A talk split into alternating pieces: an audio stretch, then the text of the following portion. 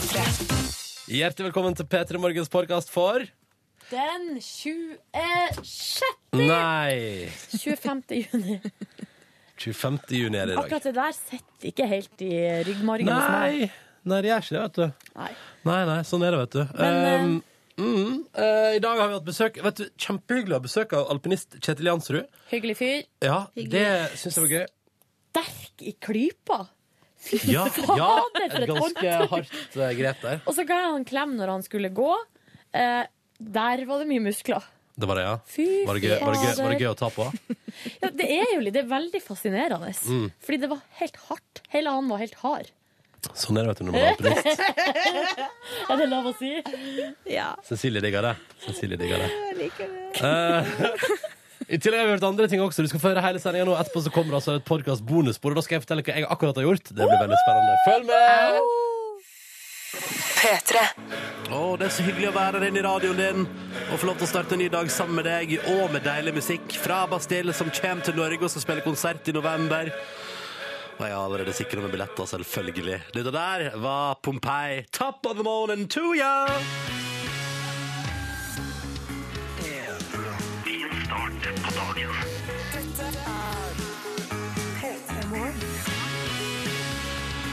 Hjertelig velkommen til radioprogrammet P3 Morgen. Du som er våken tidlig tidlig, og som hører på NRK P3. Vi setter pris på at du er der, og vi er for deg. Jeg heter Ronny. eh, og bare for å ta litt om meg sjøl først, kanskje. Jeg synes det er fint, fordi du kan ha med oss mange folk som akkurat har begynt i sommerjobb. Nye lyttere. Da syns jeg de bør få vite, du som er der ute og som er ny lytter, bør få vite hvem vi er inni i radioen her. Fortell litt om deg sjøl, Ronny. Det skal jeg gjøre. Eh, Jeg er 26 år gammel. Jeg er født og oppvokst i Sogn og Fjordane i Førde. Og jobber her i NRK P3 i programmet P3 Morgen. Veldig glad i hamburgere. Um, har prøvd å spise litt fisk i vår. Jeg syns, la, syns laks er OK, men sliter med veldig masse annet. Ja. Du har spist kveite òg, har jeg hørt. Ja, Kveite òg får jeg godt til. Det funker fint. Kan ikke du fortelle litt om deg sjøl, jenta? Jeg heter Silje, er 28 år, kommer fra Hamarøy, Nordland. Født i Trondheim. Nei! Jo da. For en twist! For Ja, en turn! bodde mine to første år i eh, Trondheim før jeg flytta nordover til Knut Hamsuns rike. Mm. Hva skal jeg mer skal jeg si? Jeg spiser ganske masse fisk. Eh, spiser ikke laks mer enn én gang i uka, og det skal man visstnok ikke gjøre Nei, heller, ikke. sier kostholdsrådene fra Favorittfisk? Nei, jeg tror kanskje det er laks, eller kanskje ørret. For meg blir det et fett, nesten. Jeg vet ikke om det er Mm. Ja. lov å si, men jo, det er lov å eh, si. ja. Og så Mye sushi? eh, ja, litt sushi. På su sushi da er det tunfisk som jeg liker best. da. OK. ok. Um, Favorittrett innenfor kjøtt, da? Spiser du kjøtt? Spiser lite rødt kjøtt, for da får jeg vondt i magen. Mm. Så jeg spiser egentlig bare kylling. Det er litt kjedelig. Hva var favorittretten din før du begynte Det å få var vondt i magen? liksom eh, biff. Ja, ja. Ja. Selvfølgelig. Så det var bra. Men eh, sist gang jeg spiste biff, så havna jeg på sykehus. Ja. Så du gjør ikke det Så lenger? Mm. slutta med det. Slutta med det. Hva er det nærest etter at du da spiste biff og havna på sykehus? Har du noen gang vært altså, så nære å spise en ny biff? Ja, eller det er faktisk ikke sant. Eh, For altså, Sist gang jeg spiste biff, det var på nyttårsaften, og da fikk jeg kjempevondt i magen etterpå. Mm. Men gangen før der, da var jeg på sykehus. Ja. Mm. Å ja, men på nyttårsaften, men da, da spiste du, selv om du visste at du kunne havne på sykehus. Eh, ja. Men, Mm. Men- det var så utrolig godt. Ja. Men jeg, jeg ser på deg, Silje, jeg kjenner jo deg litt, vi har jobba sammen en stund. Ja. Jeg ser på deg som en person som klarer å bedrive måtehold. Ja, men akkurat der og da så klarte jeg ikke det. Eh, men ja. Fordi ingenting slår en god biff. P3. Jeg har tenkt litt på det, for hun har prega dette halvåret her eh, som ligger bak oss nå, Taylor Swift. Slapp nytt album, gjort braksuksess igjen, toppa hitlistene både her og i USA, og, og er awesome, liksom. Beint fram awesome. Vet du hva, Hun er så awesome, hun. Eller, mitt inntrykk er, det her, det her vet jeg ingenting om, men jeg um, tror at hun er en sånn person som alle går til når de har problemer. Og at hun er en problem solver. Ja, eller nei, eller at hun er en god lytter eller et eller annet sånt. Fordi ja. Selena Gomez har hengt mye med Taylor Swift. Jeg tror at de, eh, der har eh, Taylor Swift støtta Selena Gomez i en litt Ja. sånn tricky tid, der hun har rota seg bort til Justin Bieber. Og Kirsten Stewart eh, har gjort slutt med han eh, Robert Pattinson. Ja. Og da, det første hun gjorde, pakka med seg pikkpakket sitt og så dro til Taylor Swift. Åh, det er gøy at Jeg ser for meg at Taylor Swift er litt som at hun har har stort hus, og det bare ramler inn kjendiser med kjærlighetsproblem. Men det hun gjør, tror jeg, er at hun koker, lager te, og så eh, får hun på noe eh, varme, varme og så sitter de under pledd og med sånne svære kopper med te, og så prater de ut. Ja. Og så støtter hun seg sånn ja, for en dritt han er, og Ja, ja, for en douchebag, og du fortjener bedre, og sånn. Nå hadde jo Kirsten Stewart som var utro eh, først, da. Så Men kanskje, kanskje hun sa sånn ja, men du skulle ikke rote med han andre duden. kanskje hun sier sånn ja, du, det var dumt det du gjorde, men, eh, men det går bra. Livet går videre. Det betyr ikke nødvendigvis at du er en dårlig person. Nei. Selv om jeg tror at hun er det, hun Kirsten Stewart. Nei, ja, men kan, kan jo ha venner for det om, da. Nei, ja, ja, ja, jeg skal ikke si noe om det. Men jeg liker å tenke på, jeg liker tanken din om at Taylor Swift er en slags, at det er åpent hus da, Ja. for kjendiser med problemer i kjærlighetslivet, og at alle sammen kommer dit, og Taylor Swift alltid ordner opp. Ja. Det synes jeg er fint. Um, dette er P3 Morgen. Straks en tur innom P3 Nyheter. Først så skal vi høre på musikk fra Trondheim. Tror den, jeg tror den gjengen her også kan sikkert åpne huset sitt og Lager de god te og har Ja. varme pledd og Jeg veit ikke helt. P3 Dette er P3 Morgen i radioen din, som håper at du har en fin start på dagen. Og vi har lyst til å vite egentlig akkurat hvor fin, eh, kanskje ikke bare starten, men hvor fint du har det. Fordi eh, litt sånn apropos en sak som dukka opp her for en, et par dager siden, eh, Victoria Beckham, som altså smiler så hjertelig på internett. David Beckham har lagt ut eh, bilde av kona si, bare for å gjøre sånn oppgjør rundt fordommene om at hun er så sur hele tida. Oh, ja, men det, er det en uttalt ting at hun er sur hele Ja, for hun smiler veldig sjelden på bilder. Ja, Eh, ja. Når hun er ute blant folk, så smiler hun ikke. Da har hun bare sånn steinansikt. Men så har, Pokerface! har David Beckham lagt ut et bilde av, eh, av Victoria da, og uh, skriver See, I told you she smiles. Og så er det at hun, hun smiler jo så hjertelig på det bildet. Så det vi tenkte var jo at kan ikke du sende oss ditt uh, bilde av ditt fineste smil uh, akkurat nå, og også kanskje slenge på hvorfor du er glad? Er ikke det greit, da? Jeg synes det høres ut som en kjempeidé. Så går det an å gjøre det på Instagram òg, og da bare hashtag med P3morgen, eh, og så skriver liksom i emnefeltet hvorfor du er glad i dag. Eh, så det, men det, det er jeg med på. Ok. Så gjør vi det her til en sånn skikkelig positiv eh, eh, La oss hylle Det er tirsdag. Ja. Det er kanskje den tyngste dagen i veka. Ofte fordi mandag så innser du ikke at alt er tilbake til normalen helt. Mm. Så tirsdag kan være litt tung. Så da er jeg med på, eh, som Silje sa, P3 til 1987 eller hashtag P3morgen på Instagram. Vis oss smilet ditt nå, og fortell oss hvorfor. Mm. What's the reasons?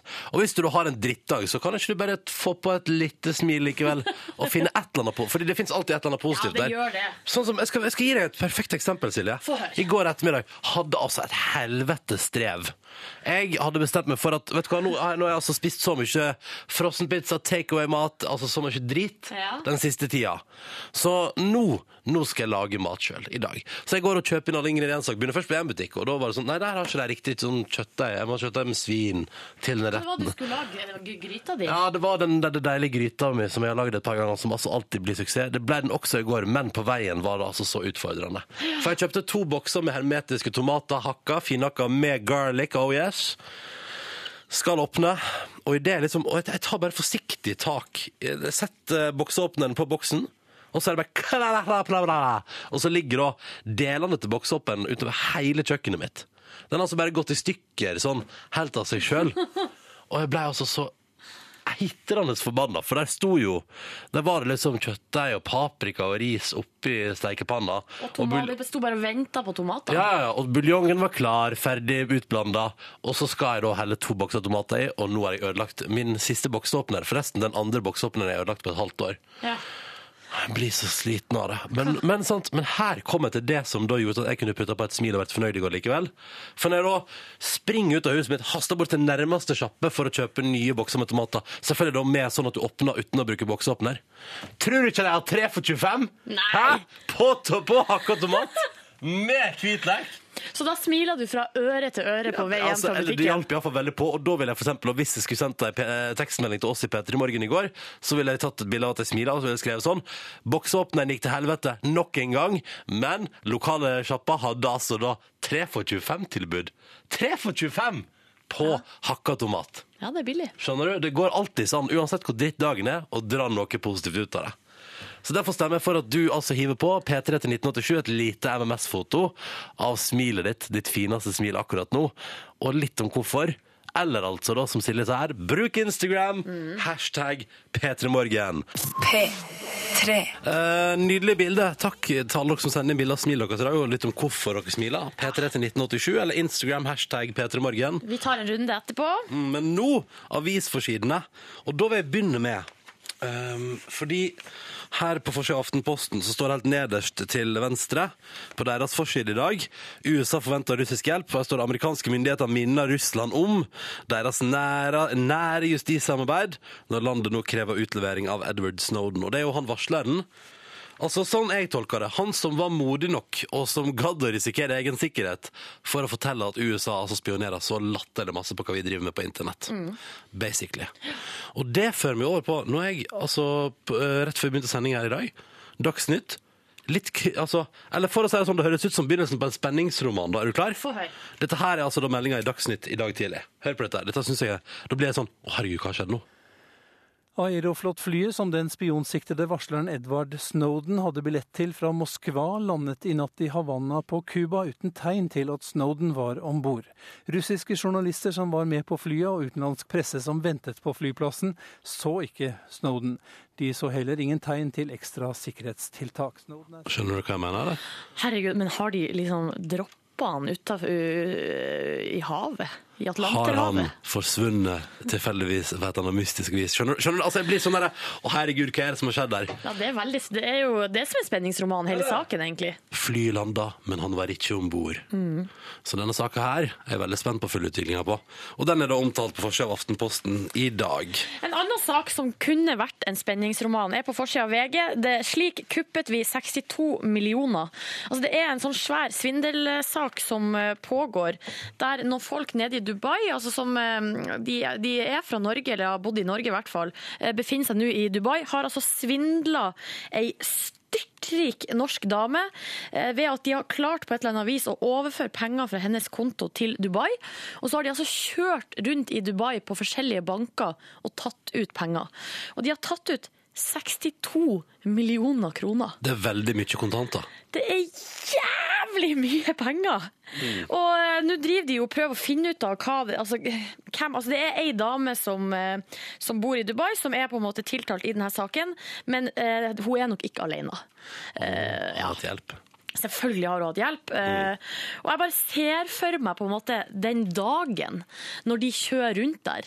Jeg ser for meg at hele bilen er liksom proppfull av cash. Og så drar- Flagger ut gjennom vinduet. Ja. Må ikke, ikke sveiv opp glasset! Du skal, det, det, det renner penger ut her! Ja, så drar de hjem til seg sjøl eller til et eller annet hotellrom. og liksom, eh, der, der er liksom filmscena. Det, den første, det første klimakset i filmen er når de bader i penger inne på det hotellrommet. Så går det jo nedenom og hjem Mm. Ja, for hvert. fordi ikke Der sant? ser det ut som alt skal gå bra, Ja, ja, men så ja. ser du jo i VG i dag at det går ikke så bra. Nei, det går nedenom og Men hjem. du, da tar jeg med på tampen her. Altså, kunne vært en spenningsroman. Del tre på Forsida-avisen i dag, og det er fra Dagbladet. For nå driver politiet altså advarer mot veipirater som herjer i Norge. Mm. Og det er min største frykt. At jeg er ute på veien ja, men tenk, altså Silje, tenk deg hvor maktesløst og grusomt det må føles når du er ute på veien der i din egen bil, og så kommer noen og bare rett og slett bare tar deg. Bryter seg inn i bilen din, raner deg for alt du eier. Skjønner du? Vet du hva, Det er- verste med denne saken syns jeg er at uh, de folkene her, veipiratene, de ødelegger hele tillitssystemet vårt. Fordi at uh, det de gjør, er at de står og later som at bilen har brutt sammen, og så når folk kommer for å hjelpe, så tar de dem. Eh, og så derfor har jeg har til og med hørt noen si sånn Nei, du må ikke stoppe å hjelpe folk. Da blir vi jo helt USA her. Sånn kan vi jo ikke ha det. Ikke tar kan... du sjansen? La oss nå si, Silje, vi plasserer deg Ja. i en bil alene på en europavei. Du, er, eh, du skal langt, kanskje du skal kjøre hjem til Hamarøy, og midt på strekningen der står det altså da to tilsynelatende hyggelige karer, kanskje, med en bil som ikke fungerer. Hva tenker du i øyeblikket der, med denne avissaka her i bakhodet? Vet du hva, jeg tror at eh, med, med fare for å risikere å ikke hjelpe noen som trenger det, så tror jeg jeg ville stoppa uansett. Mm.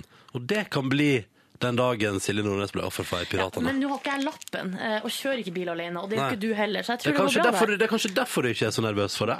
Og sier sånn, ja, jeg vil stoppe og hjelpe, du har ikke lappen uansett, så det har vel ingenting å si.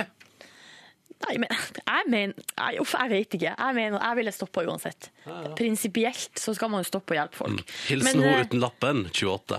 Ja, men hvorfor er du så redd? Du har ikke lappen, du heller. Nei, nei, jeg bare sa at hadde jeg hatt lappen, så hadde jeg valgt mine stopp med omhu. Jesus. P3. Og så har vi jo sagt i dag, inspirert av at eh, Victoria Beckham smiler på et bilde, så tenkte vi å spørre deg som hører på om du kan gi oss ditt eh, beste smil på en tirsdag morgen, og fortelle oss hvorfor du smiler. Og selv om det er en drittdag, så finner man jo alltid et eller annet. For eksempel Siv, da, som eh, har sendt oss bilde av sitt smil, og som sier at det er Paramore-konsert i kveld og Green Day på eh, søndag. Trenger å si noe mer? Nei, nei, vi forstår det, vi, Siv.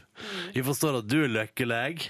Og så er det en som ikke har skrevet navn, da, som har også sendt bilder av sitt fineste smil. Han har på seg militæruniform, og så står det 'Smiler fordi jeg skal hjem til dama i dag og HV-festivalen neste uke'. Å, vi snakkes på HV, det blir gøy! Mm, skal vi ta en fra Instagram òg? her er det ei som kaller seg for eh, Skal vi se hva hun heter? Eh, nei, hun har bare sånn rart nikk. Kom igjen da, Ni- si det, si det. Nio- Niol4. Hun smiler av Admiral P. Det var jo fordi at vi spilte Admiral P her for litt ja. siden. Fortsett å bidra. Dette syns jeg er veldig koselig. Og syns jeg det er fint at vi alle sammen kan. Da får vi masse flotte lyttersmil Det- inntil oss, enten med hashtag P3morgen på Insta, eller altså da MSP3 til 1987. Og så kan vi finne ut av hvorfor folk smiler på en tirsdag, og, bli, og så kan det oppleves som litt eh, oppbyggende. ikke sant? Det er bare koselig. P3. P3. Din start på dagen.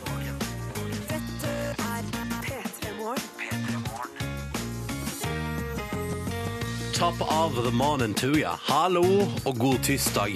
I dag er P3 Morgen, så har vi litt fokus på altså, Ja, du kan kalle oss et overpositivt program. Det, altså, det er helt greit for meg. Ja, vet du hva? Den beskyldninga der, den tar jeg. Ja. Eh, og det kan godt hende at det blir det meste i lageret, men vet du hva? Hva? Jeg syns det er litt gøy. Fordi samtidig som vi bidrar, eller får på noe positivitet i dag, får vi også vite litt mer om deg som hører på, og hva du er glad for.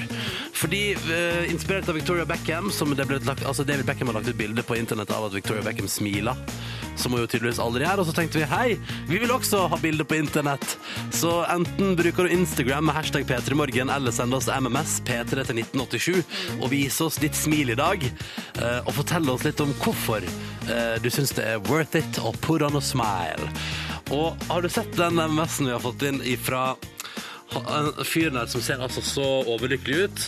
Eh, Det står at det er, altså, det er dårlig vær, masse vann på veien, men, men. eh, Det er hyggelig å høre på Peter Morgen. Fra denne karen som altså har fått seg, for det første, bolle, og for det andre, stor kopp kaffe. ser, ser du hvor lykkelig han ser ut? Ja, jeg skjønner at han smiler fra øre til øre. Han har jo en bo- bolle i munnen, så det er litt vanskelig å se om han smiler, men jeg tror han gjør det. Står det 'We are the freaks' på T-skjorta hans? Eh, Ja, Han det har tror dessverre, jeg. han har dessverre ikke tatt med navn på te- tekstmeldinga. En som har tatt med navn, det er Pølsebjørn. Han skriver Jeg er så fornøyd i dag. Han har sendt meg bilde av at han smiler sitt største smil. Og så kommer det liste med hvorfor han er fornøyd. Én, jeg har snart ferie. To, jeg bytta jobb etter ferien. Tre, jeg kan glede Silje med at jeg passerte heimplassen hennes eh, nå nettopp. Det er artig. Og for å ikke glemme nummer fire, samboeren min sa ifra nå at vi skal prioritere å ordne utafor huset i stedet for inni. Ah yeah, no more maling. Oh ja, det, er maling. det er no more maling som gjør lykke der, altså. Ikke sant. Men det er Pølsebjørn som eh, er fornøyd i dag. Og så er det Julie som bare syns det er hyggelig å stå opp i lag med oss, og som har sendt et smilebilde av seg sjøl tidlig på morgenen. Og litt smal i øynene, litt trøtt fortsatt, men på vei opp og fram i denne tirsdagen her. Fortsett, fortsett å dele smilet ditt med oss, enten på Insta med hashtag P3morgen, eller altså da på MMS P3 ett. til 1987. Ta med et fra Instagram òg. Ei jente som heter, kaller seg for Hjortnes. Hun smiler sitt fineste smil i bilen, og hun skriver er glad for at det snart er ferie.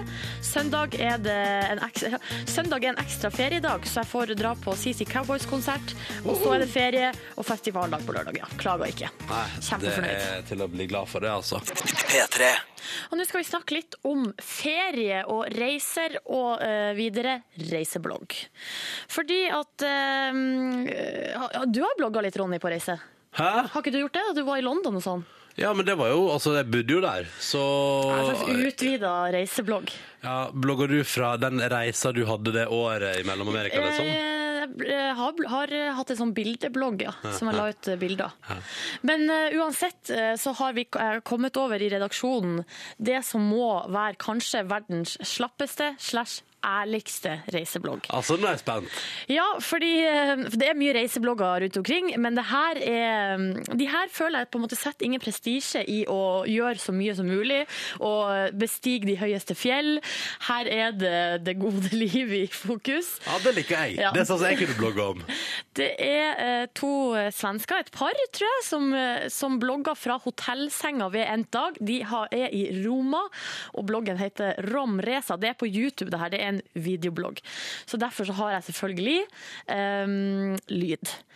Skal vi bare først høre en uh, liten oppsummering av dagen i dag? Jeg er klar. Hva har vi gjort i dag? Vi har shoppet! Shoppet. Så galne var vi faktisk ikke. Det ble jo ikke så mye shoppet.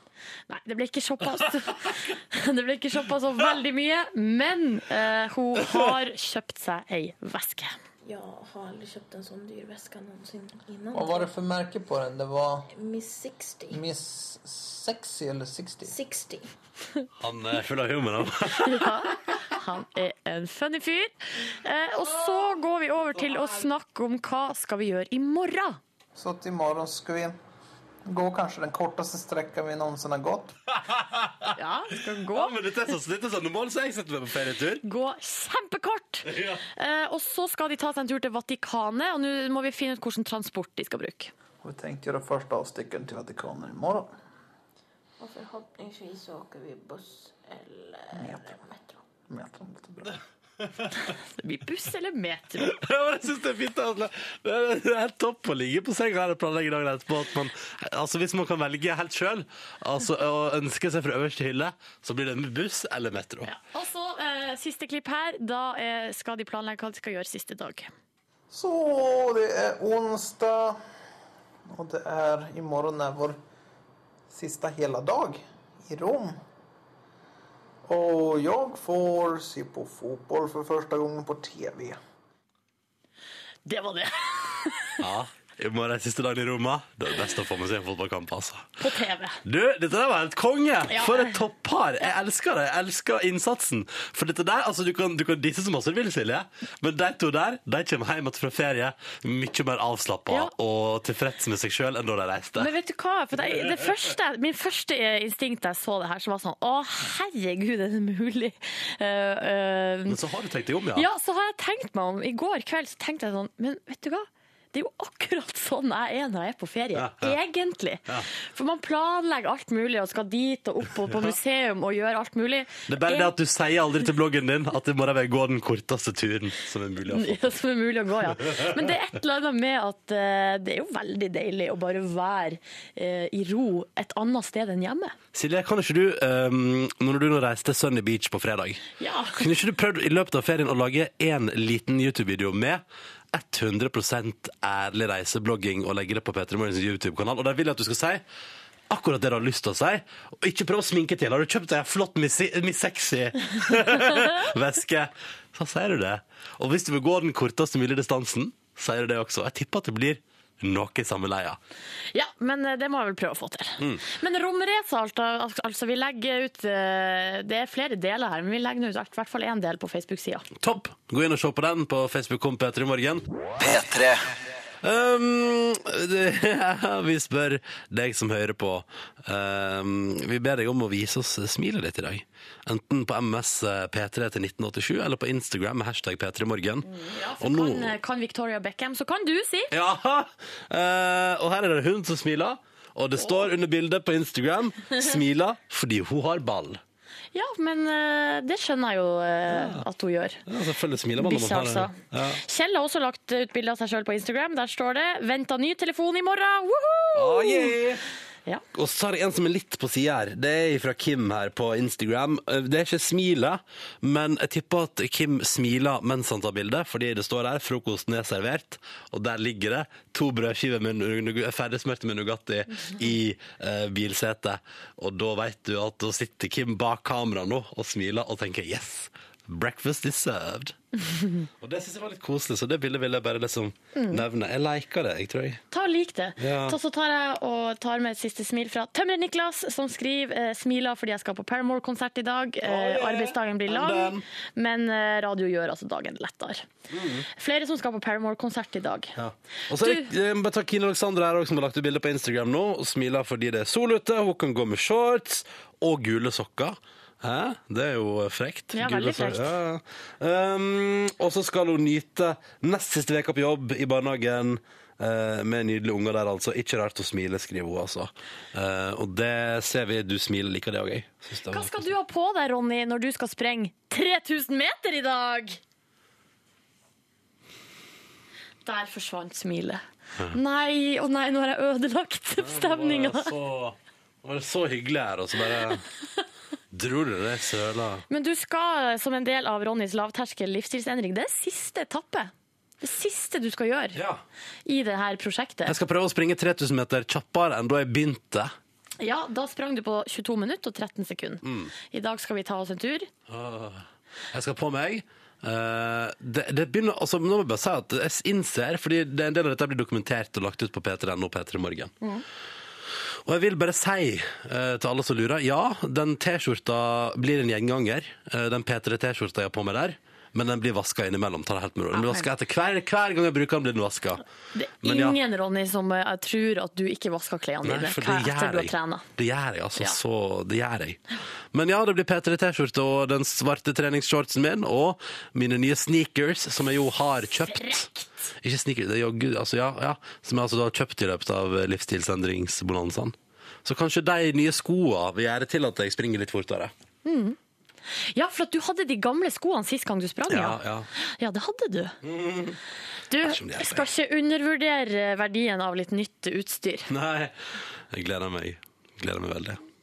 Du gleder deg til, å være, til at det er over? Ja, ja. Ja.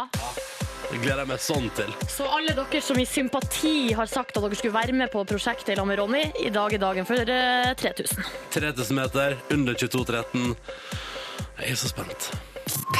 P3. Eh, vi får straks besøk her i Petter Morgen, eller ikke straks, men om en liten halvtime så får vi besøk av en kar som jeg gleder meg veldig til å få besøk av.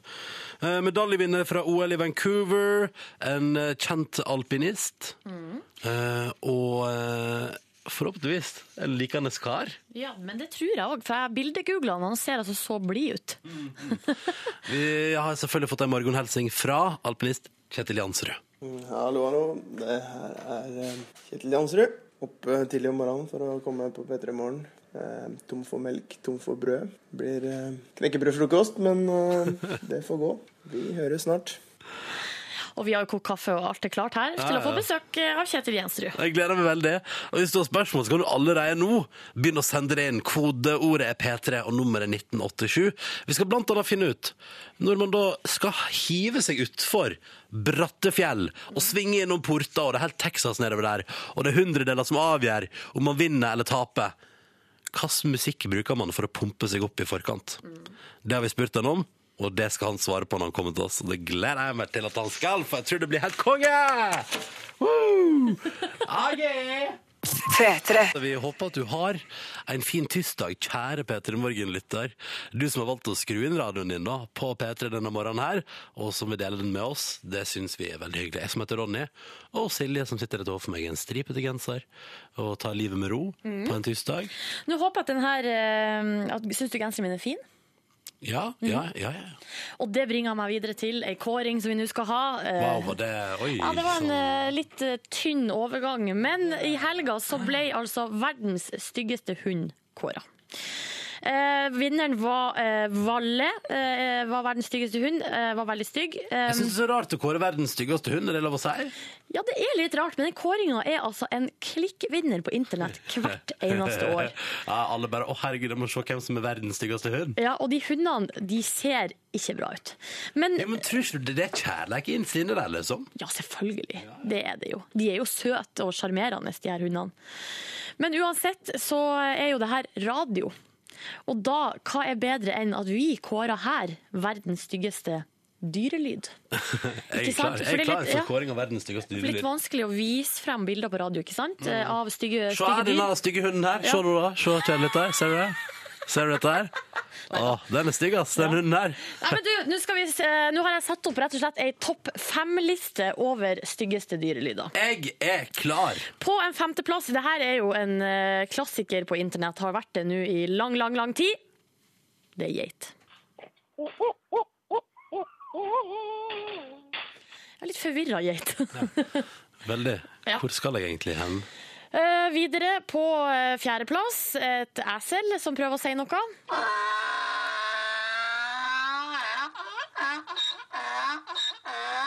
Ganske stygg dyrelyd, ja. Men den når ikke opp på førsteplass over verdens styggeste dyrelyd. Jeg gjør ikke det, gitt. På tredjeplass, her er en sel.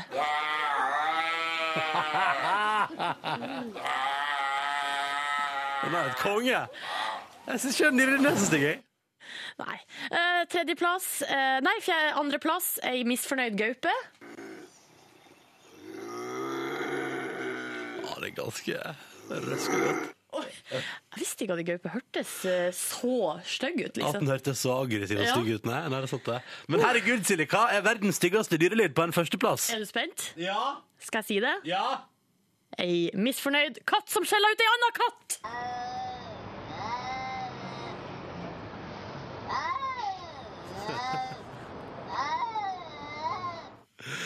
Ja. Det er verdens styggeste dyrelyd der. Litt sånn sneaky, ja, litt vanskelig å avgjøre hva Jeg synes alle de her eh, er på en måte litt stygge og litt sjarmerende. eh, Alle på hver sin måte. Men det var noen katter som gikk eh, av med seieren i verdens styggeste dyrelyd. Kan jeg bare si at jeg føler jeg føler at i likhet med liksom styggeste hundkåringa, Ja. eh, så er det jo sånn at du hører her at sånn innerst inne Altså sånt, det er liksom, ah, Man sier sånn styggeste dyrelyd, men Ja. den er jo litt søt også. Ja, det er akkurat det. Hør den en gang til, eller? Ja, vil høre den en gang til. Verdens styggeste dyrelyd!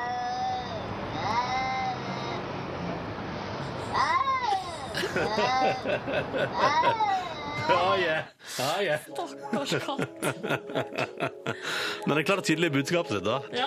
Ja, Den andre katten trenger ikke prøve seg engang. Dette er jo Nei, bare ligg unna. Oh, yes. P3. Og så spør vi, inspirert av at David Beckham har tatt et bilde av at Victoria Beckham for en gangs skyld smiler, så tenkte vi, kan ikke du som hører på P3 Morgen i dag vise oss ditt fineste smil akkurat nå? Enten på en MMS til 1987 med kodeord P3, eller med hashtaggen P3morgen på Instagram. Og gjerne fortell om hvorfor du smiler òg, fordi da kan vi på en måte bli litt bedre kjent med deg. Og når jeg er på Instagram nå, så får jeg sånn kollektivfølelse, fordi at alle bilder som blir tagga nå, er liksom masse søte folk som hører på det vi prater om, og liksom som er sammen med oss på morgenen. For eksempel Viljar som smiler fordi han skal til SFO. Uh, ja da, skolefritidsordning kan også være hyggelig. Og så var det Sunniva her, uh, som altså var så heldig at hun fikk seg altså, eh, nikket Sunniva. Punktum. Altså det er liksom, hun, har, hun har fått Sunniva på Instagram. Yes, de må ha vært tidlig ute. Ja, ja. Og hun smiler fordi at hun har hatt sin aller siste nattevakt på Statoil på Moa noen gang. For på mandag så blir det flytting til Bergen, og derfor smiler Sunniva eh, tydeligvis i bilen da på vei hjem etter nattevakta si. Bente smiler til eh, kamera med en kaffekopp i handa, og så skriver hun 'trøtt i trynet og pissregn'. Men smilet er klistra på. Ja, bra. Så der er det egentlig bare positivitet, positivitet til tross for at alt annet nå på en tirsdagsmorgen. Mm. Og så liker jeg denne meldinga som kom inn til 1987 med kodord P3. Fordi jeg skal jo springe 3000 meter i dag og avslutte denne livsstilsendringa mi endelig. Og forhåpentligvis komme under 22.13. Og så har jeg fått eh, melding fra Andreas som smiler fordi han sprang 3200 meter i dag på 13.10. Så det var jo konge, da. På morgenkvisten har allerede gjort det, han, da. Så det Skulle du ønske at vi sto opp kanskje klokka fire i natt, og så kunne vi bare fått det unnagjort før sending? Ja, eller hvis, at vi, hvis det at vi sto opp klokka fire og gjorde det klokka fire i natt, eh, hadde sørga for at jeg også sprang 3000 meter på 13.10, Ja. så hadde jeg, da kunne jeg gjort det. Men eh, nei, jeg håper jeg kommer under 22.13, jeg. Det er målet i dag. Og vær så snill, la meg gjøre det. Det blir så pinlig hvis det ikke går veien. Kanskje alpinist Kjetil Jansrud kan komme med noen tips? Ja! Han er jo straks gjest i P3 Morgen. Vi gleder oss veldig til at han kommer. Men først, og dette jeg gleda meg til lenge nå, å få lov til å spille den låta her. eh, For deg på morgenkvisten. Dette her er fader meg noe av det fineste jeg har hørt i år. Emilie Nicolas heter hun. Hun er norsk i begynnelsen av 20-åra og har laga sin engelske tolkning av DumDum Boys-låta Stereo. Og det er så vakkert, så fint, og du skal få det nå på NRK P3 P3 Morgen. Du må gjerne si ifra hva du syns. P3. Petter, oi, oh, hallois, kaffe, kaffe der, hei. Petter Morgen har fått besøk. Uh, Kjetil Jansrud, hjertelig velkommen. Takk for det. takk for det. Um, altså, jeg skulle si alt, det- alt jeg forbinder med deg, er jo de nervepirrende sekundene når du setter utfor der, uh, nedover alpintbakken, og det er liksom hundredeler som avgjør om det går skikkelig, skikkelig bra eller skikkelig dritt. Er, ikke det, er det greit oppsummert, eller? ja, det er faktisk veldig greit oppsummert. Eh, ja, det er vel stort sett eh, det de fleste har inntrykk av, tenker jeg. Ja, men fordi det er liksom sånn der, altså det er sånn der, det er en hundredel har altså så masse å si. Ja, det gjør det. Eh, en litt sånn spesiell hverdag, kanskje. Det at det hundredeler skal avgjøre om det blir superbra eller bånn i bøtta. Men eh, sånn er det jo en sporten, da. Og, Hvordan forholder du deg til klokka sånn ellers? Ja, jeg har et veldig avslappa forhold til klokka sånn ellers. Og du har det, ja. Ja, dessverre. Men uh, Hvordan da? for nok, eh, nok av hundredeler og tiendedeler uh, til vanlig, så jeg eh, Nei, hva skal jeg si? Jeg, eh, jeg forholder meg til klokka, tror jeg, som de fleste andre. Jeg prøver å være så godt jeg kan på tida til avtaler. Og Ja. så, så ellers i hverdagen for min egen del så sklir de litt ut. Det er ikke sånn at jeg må ha middag på hundredeler klokka sju. Eller så blir jeg Skal vi se, vent, vent, ok, ok, er du- er middagen klar? 19, se den 1900, der! Det, er ikke sånn, liksom. Nei, Men, men og, jeg, jeg, nå så jeg plutselig for meg at det kanskje er litt sånn at du Altså, det er liksom Når du er på jobb, skulle du si, når du utøver alpint, så er det, da er det liksom helt sånn utrolig nazi på at da er det liksom hundredeler som gjelder. Men at eh, til avtaler du har på fritida, der kan det gå 10-20 minutter. Eller Eh, jeg kommer litt an på hvilken type avtaler. da. Altså, Noen avtaler holder man jo bare, men, eh, men jeg kan, har nok et litt mer behagelig forhold til, eh, til sånne sosiale avtaler. Eh, så beklager til alle de som jeg har, har lot vente på meg noen 10-15 minutter. Hvilken type er du på morgenen, da? Du blir nå, men er det vanlig? Ja, Det er veldig påtatt nå, da. Jeg er egentlig dritsur. ja, men er, du- er, du det? er du det? Jeg er litt morgengretten, jeg er det. Um, spesielt sånn, sånn klokka ni så kommer jeg meg. Akkurat når det bikker ni, da, da er jeg formen alt eh, over det er eh, jeg kjenner, det, irriterer meg litt, men på den annen side så er det, sånn, det er veldig kjedelig, for vi har jo en, eller jeg har en jobb der jeg er oppe klokka seks om morgenen ofte, kanskje fem òg. Så litt sånn dårlig kombinasjon, men um. Hvorfor er du oppe så tidlig? Nei, vi må jo opp og stå på ski, da. Ja. Uh, Ja, må man gjøre det så tidlig? Ja, du, det er et spørsmål som jeg har stilt meg selv mye òg. Man skulle jo ikke tro det, men uh, nei, dæven, de skal jo starte renna klokka ti og sånn, så da må vi jo opp, eh, opp med fugla. Så, Men uh, nei, jeg overdriver litt. Jeg er jo ikke supermorragretten, men Nei, eh, for det virker ikke sånn, på en måte. Jeg tror, jeg tror du, hadde, du hadde hatt litt større problemer med å skjule noe hvis du egentlig var en morragretten fyr. Nei, men altså, når jeg kommer først til P3, så kan jeg ikke være morgengretten. Det det det er hyggelig. Men i dag, for eksempel i dag tidligere var det tom for brød, hørte vi. Du sendte jo også morgenhilsen her, vi hørte på i stad. Tom for brød og tom for melk. Er det sånn som kan ødelegge hele morgenen? Ja, absolutt. Eh, det er litt sånn her, Nå deler jeg jo eh, eh, boplass med, med en jente. og Det er sånn her, det der siste melkeglasset, hvis det blir stjålet sånn på kvelden så jeg ikke har melk i morgentida, skal jeg litt forsiktig med å anklage henne, for da var det jeg som drakk opp melka i går. Men Ja, eh, ikke sant? jeg, liker at du, jeg liker at du begynner med sånn del av leilighet med jente og bare sånn det sakte melkeglasset. Men så er det du, ja. ja, Er det det, er er det. det venninne, eller? Ja, en kjæreste, Ja, det er kjæreste, ja. Men så- eh, det er en eller annen jente som har flytta inn der. altså. Helt tilfeldig. Drikker opp melka mi. Ja. Utrolig irriterende. Eh, Vi skal prate mer med Kjetil Jansrud straks. P3. Kjetil Jansrud er på besøk hos oss i P3 Morgen. Men og vi, jeg tenker vi må prate litt om sånn trening og sånn, fordi det er jo ikke alpinsesong. Eh, Det er jo sommer, det er sol. eh, Du ankom P3 Morgen i dag med shorts. Um, er det ikke litt rart å tenke på ski på vinteren her på sommeren? Jo, det er veldig rart. Det er litt derfor jeg ikke tenker så mye på det heller. Men uh, det er dessverre sånn at uh, det er masse å gjøre bortsett fra å stå på ski. Vi har jo hendene og beina fulle med, med annen type trening. Så um, selv om det ikke er, er ski, så forbereder man seg jo til, til ski. Men jeg har hørt at du trener sånn sju timer om dagen. Altså, det er sånn ni til fire-jobb, liksom. Ja, altså vi er altså, Per nå da, eh, om dagen så er vi da på Olympiatoppen på Sognsvann klokka ni om morgenen. Jeg skal direkte dit etterpå, og så er jeg ferdig sånn tre-fire-tida. Men, men så er det sånn noen idrettsutøvere liker å da si at de har vært seks-sju timer på jobb. Ja. Eh, og trent seks-sju timer, og det er jo ikke sånn. Vi, vi har jo ikke sju timer effektiv sitter og trening. spiser og Ja, vi har en litt. eh, Og... god morgenøkt, tung morgenøkt, så spiser vi litt lunsj, og så har vi en lettere økt, og så har vi kanskje en litt hardere økt, så vi har tre, tre økter kanskje. Tre økter, ja. Noen ganger to harde, for eksempel. Så, så er det ikke sånn at vi er sju timer på trening, men eh, vi, det er jo jobben vår, da, så man må jo helst sette av, en, sette av hvert fall mye timer i løpet av en dag. for Du blir ikke misunnelig på sånne fotballspillere og sånn som eh, spiller mye PlayStation, har jeg inntrykk av, i hvert fall.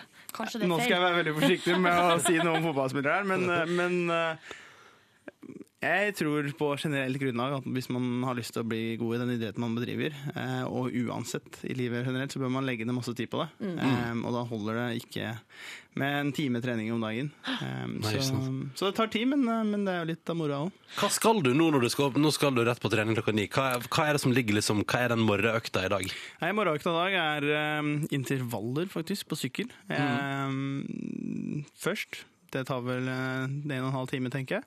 Så det er litt lunsj, og så følges det opp med litt uh, mage, ryggtrening og litt koordinasjon og sånn utover dagen. Nå har jeg ikke helt uh, treningsopplegget, men uh, begynner i hvert fall med sykkelintervaller. Ja.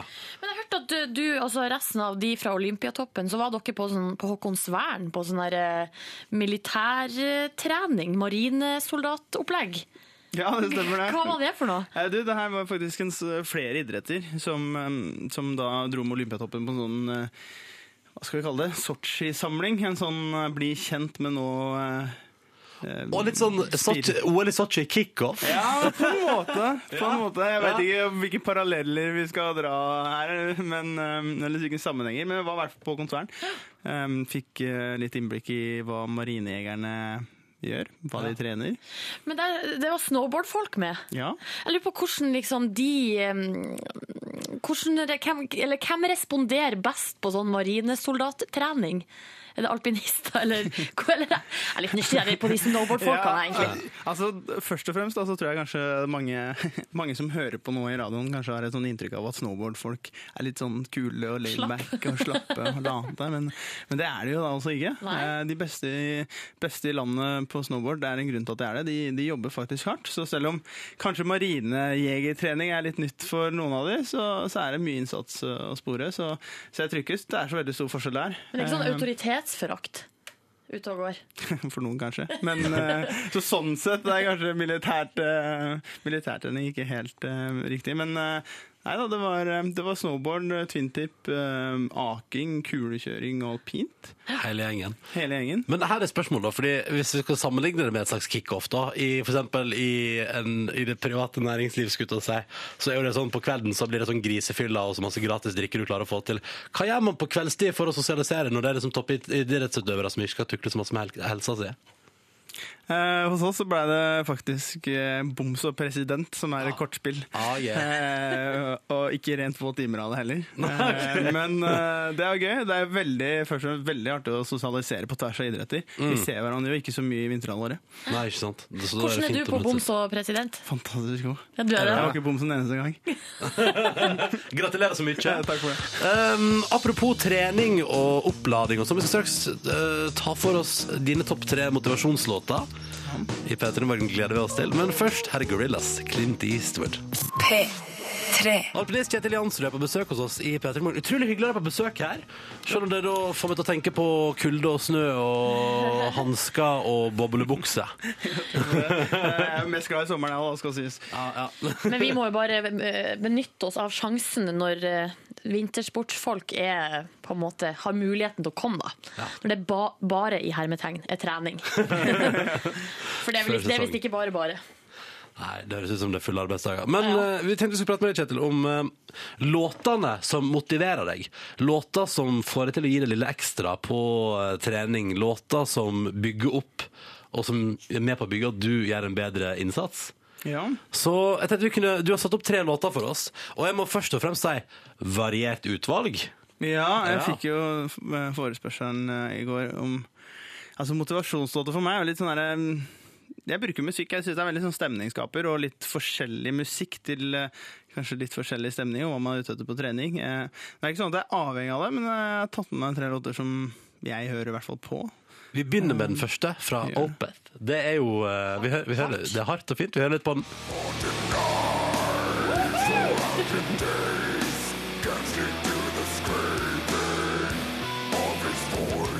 I hvilke sammenhenger passer Opeth å spille? Eh, Det er åpent for- forresten fra et fantastisk album, eh, men eh, for meg så er det mye styrketrening. Det å måte ha, få energien. Ja. Når du står der og skal ta liksom eh, Prøve å sette ny pers i, markløft, liksom. Ja, men så er det litt sånn derre Det å høre på black metal er jo kanskje Nå er jo Opeth ikke den verste, verste versjonen av black metal, men, men, men det tar jo litt tid for mange. Det er jo ikke alle som liker det, men uh, idet du tar, eh, tar growlinga som et, eh, et instrument, så, så er det en veldig stemningsskaper i musikken. Så, så ja, det er kanskje pers i markløft. eh. Men hvordan føler du deg når du hører på det? Nei, for meg så er det um, Jeg hører ikke på musikken. På en måte. Ja. Jeg lar den spille i bakgrunnen. Um, som du hører nå, så er det ikke bare brøling. Det er, han har en fantastisk stemme. Og da står du der og føler deg kul på treningsstudioet og bare tenker sånn Nå skal jeg naile det markløftet der. Og så er det totalt sjangerbytte til Stevie Nicks. Vi hører litt her.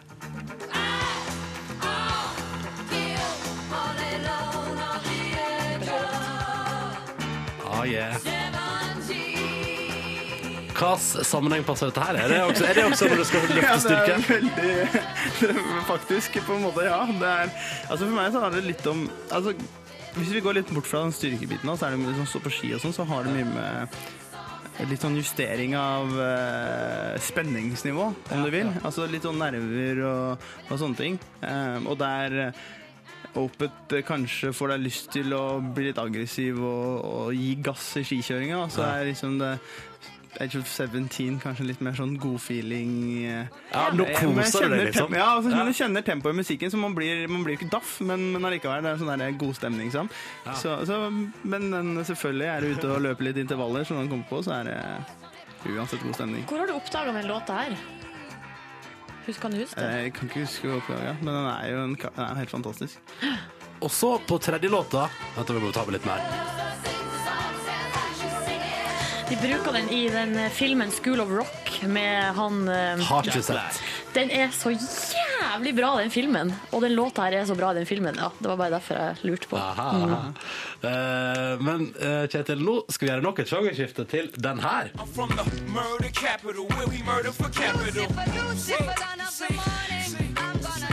Hvilken følelse er det du får av den her?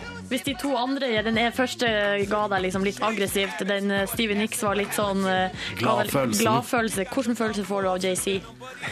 Nå spør du vanskelig. Nei, det må vi sikkert sånn også lene bilsetet bakover. og Så, Bare duner nedover eh, løypa, liksom. Ikke, det er eh, noe helt annet igjen, da. Eh, men, men for min del så er det litt eh, Det er jo en grunn til at jeg har satt opp til tre sanger. For at jeg er ikke sånn veldig opptatt av, av sjangere. Sånn for min del i trening eller musikk. Men det har vel sånn så lenge det passer for meg. Altså Så lenge det er på en måte en tune eller en type sang som fenger mitt uh, sinn, så, så er jeg med. Så Lucifer Jeg husker Jeg har hørt mye på JC og en del andre ting før, men den her tror jeg faktisk første gang jeg hørte eh, Jeg lurer på om han var på piloten til Entourage. Ja. I sin tid, og så var det sånn Bra der, serie. Den, der, den skal med videre, Den skal liksom. med videre. Åh. Eh, nå sier takk for de tre låtene. Snart skal du få delta i vår spørsmålsrulett. Og skal du få svar på spørsmål fra lytterne våre, Kjetil. Det renner inn. P3 til 1987. Du kan hive deg på du også, hvis du vil. Og så skal jeg eh, spille en låt der som eh, Mens du ville hørt på liksom, ser, Nå ser jeg for meg at det liksom, den JC-låta her er liksom det, I bilen på vei til treningsøkta, så skal du liksom gire deg opp for dagen. Og da har jeg, jeg, jeg kjenner, Dette her er forslag fra meg på alternativ låt til det. Dette er Chocolate med The 1975. Fantastisk låt på NRK P3. P3. Kjetil Jansrud er på besøk hos oss i P3 Morgen i dag. Satser på OL i Sotsji neste år. Men du, um, du gikk jo på en skadesmell her for litt siden.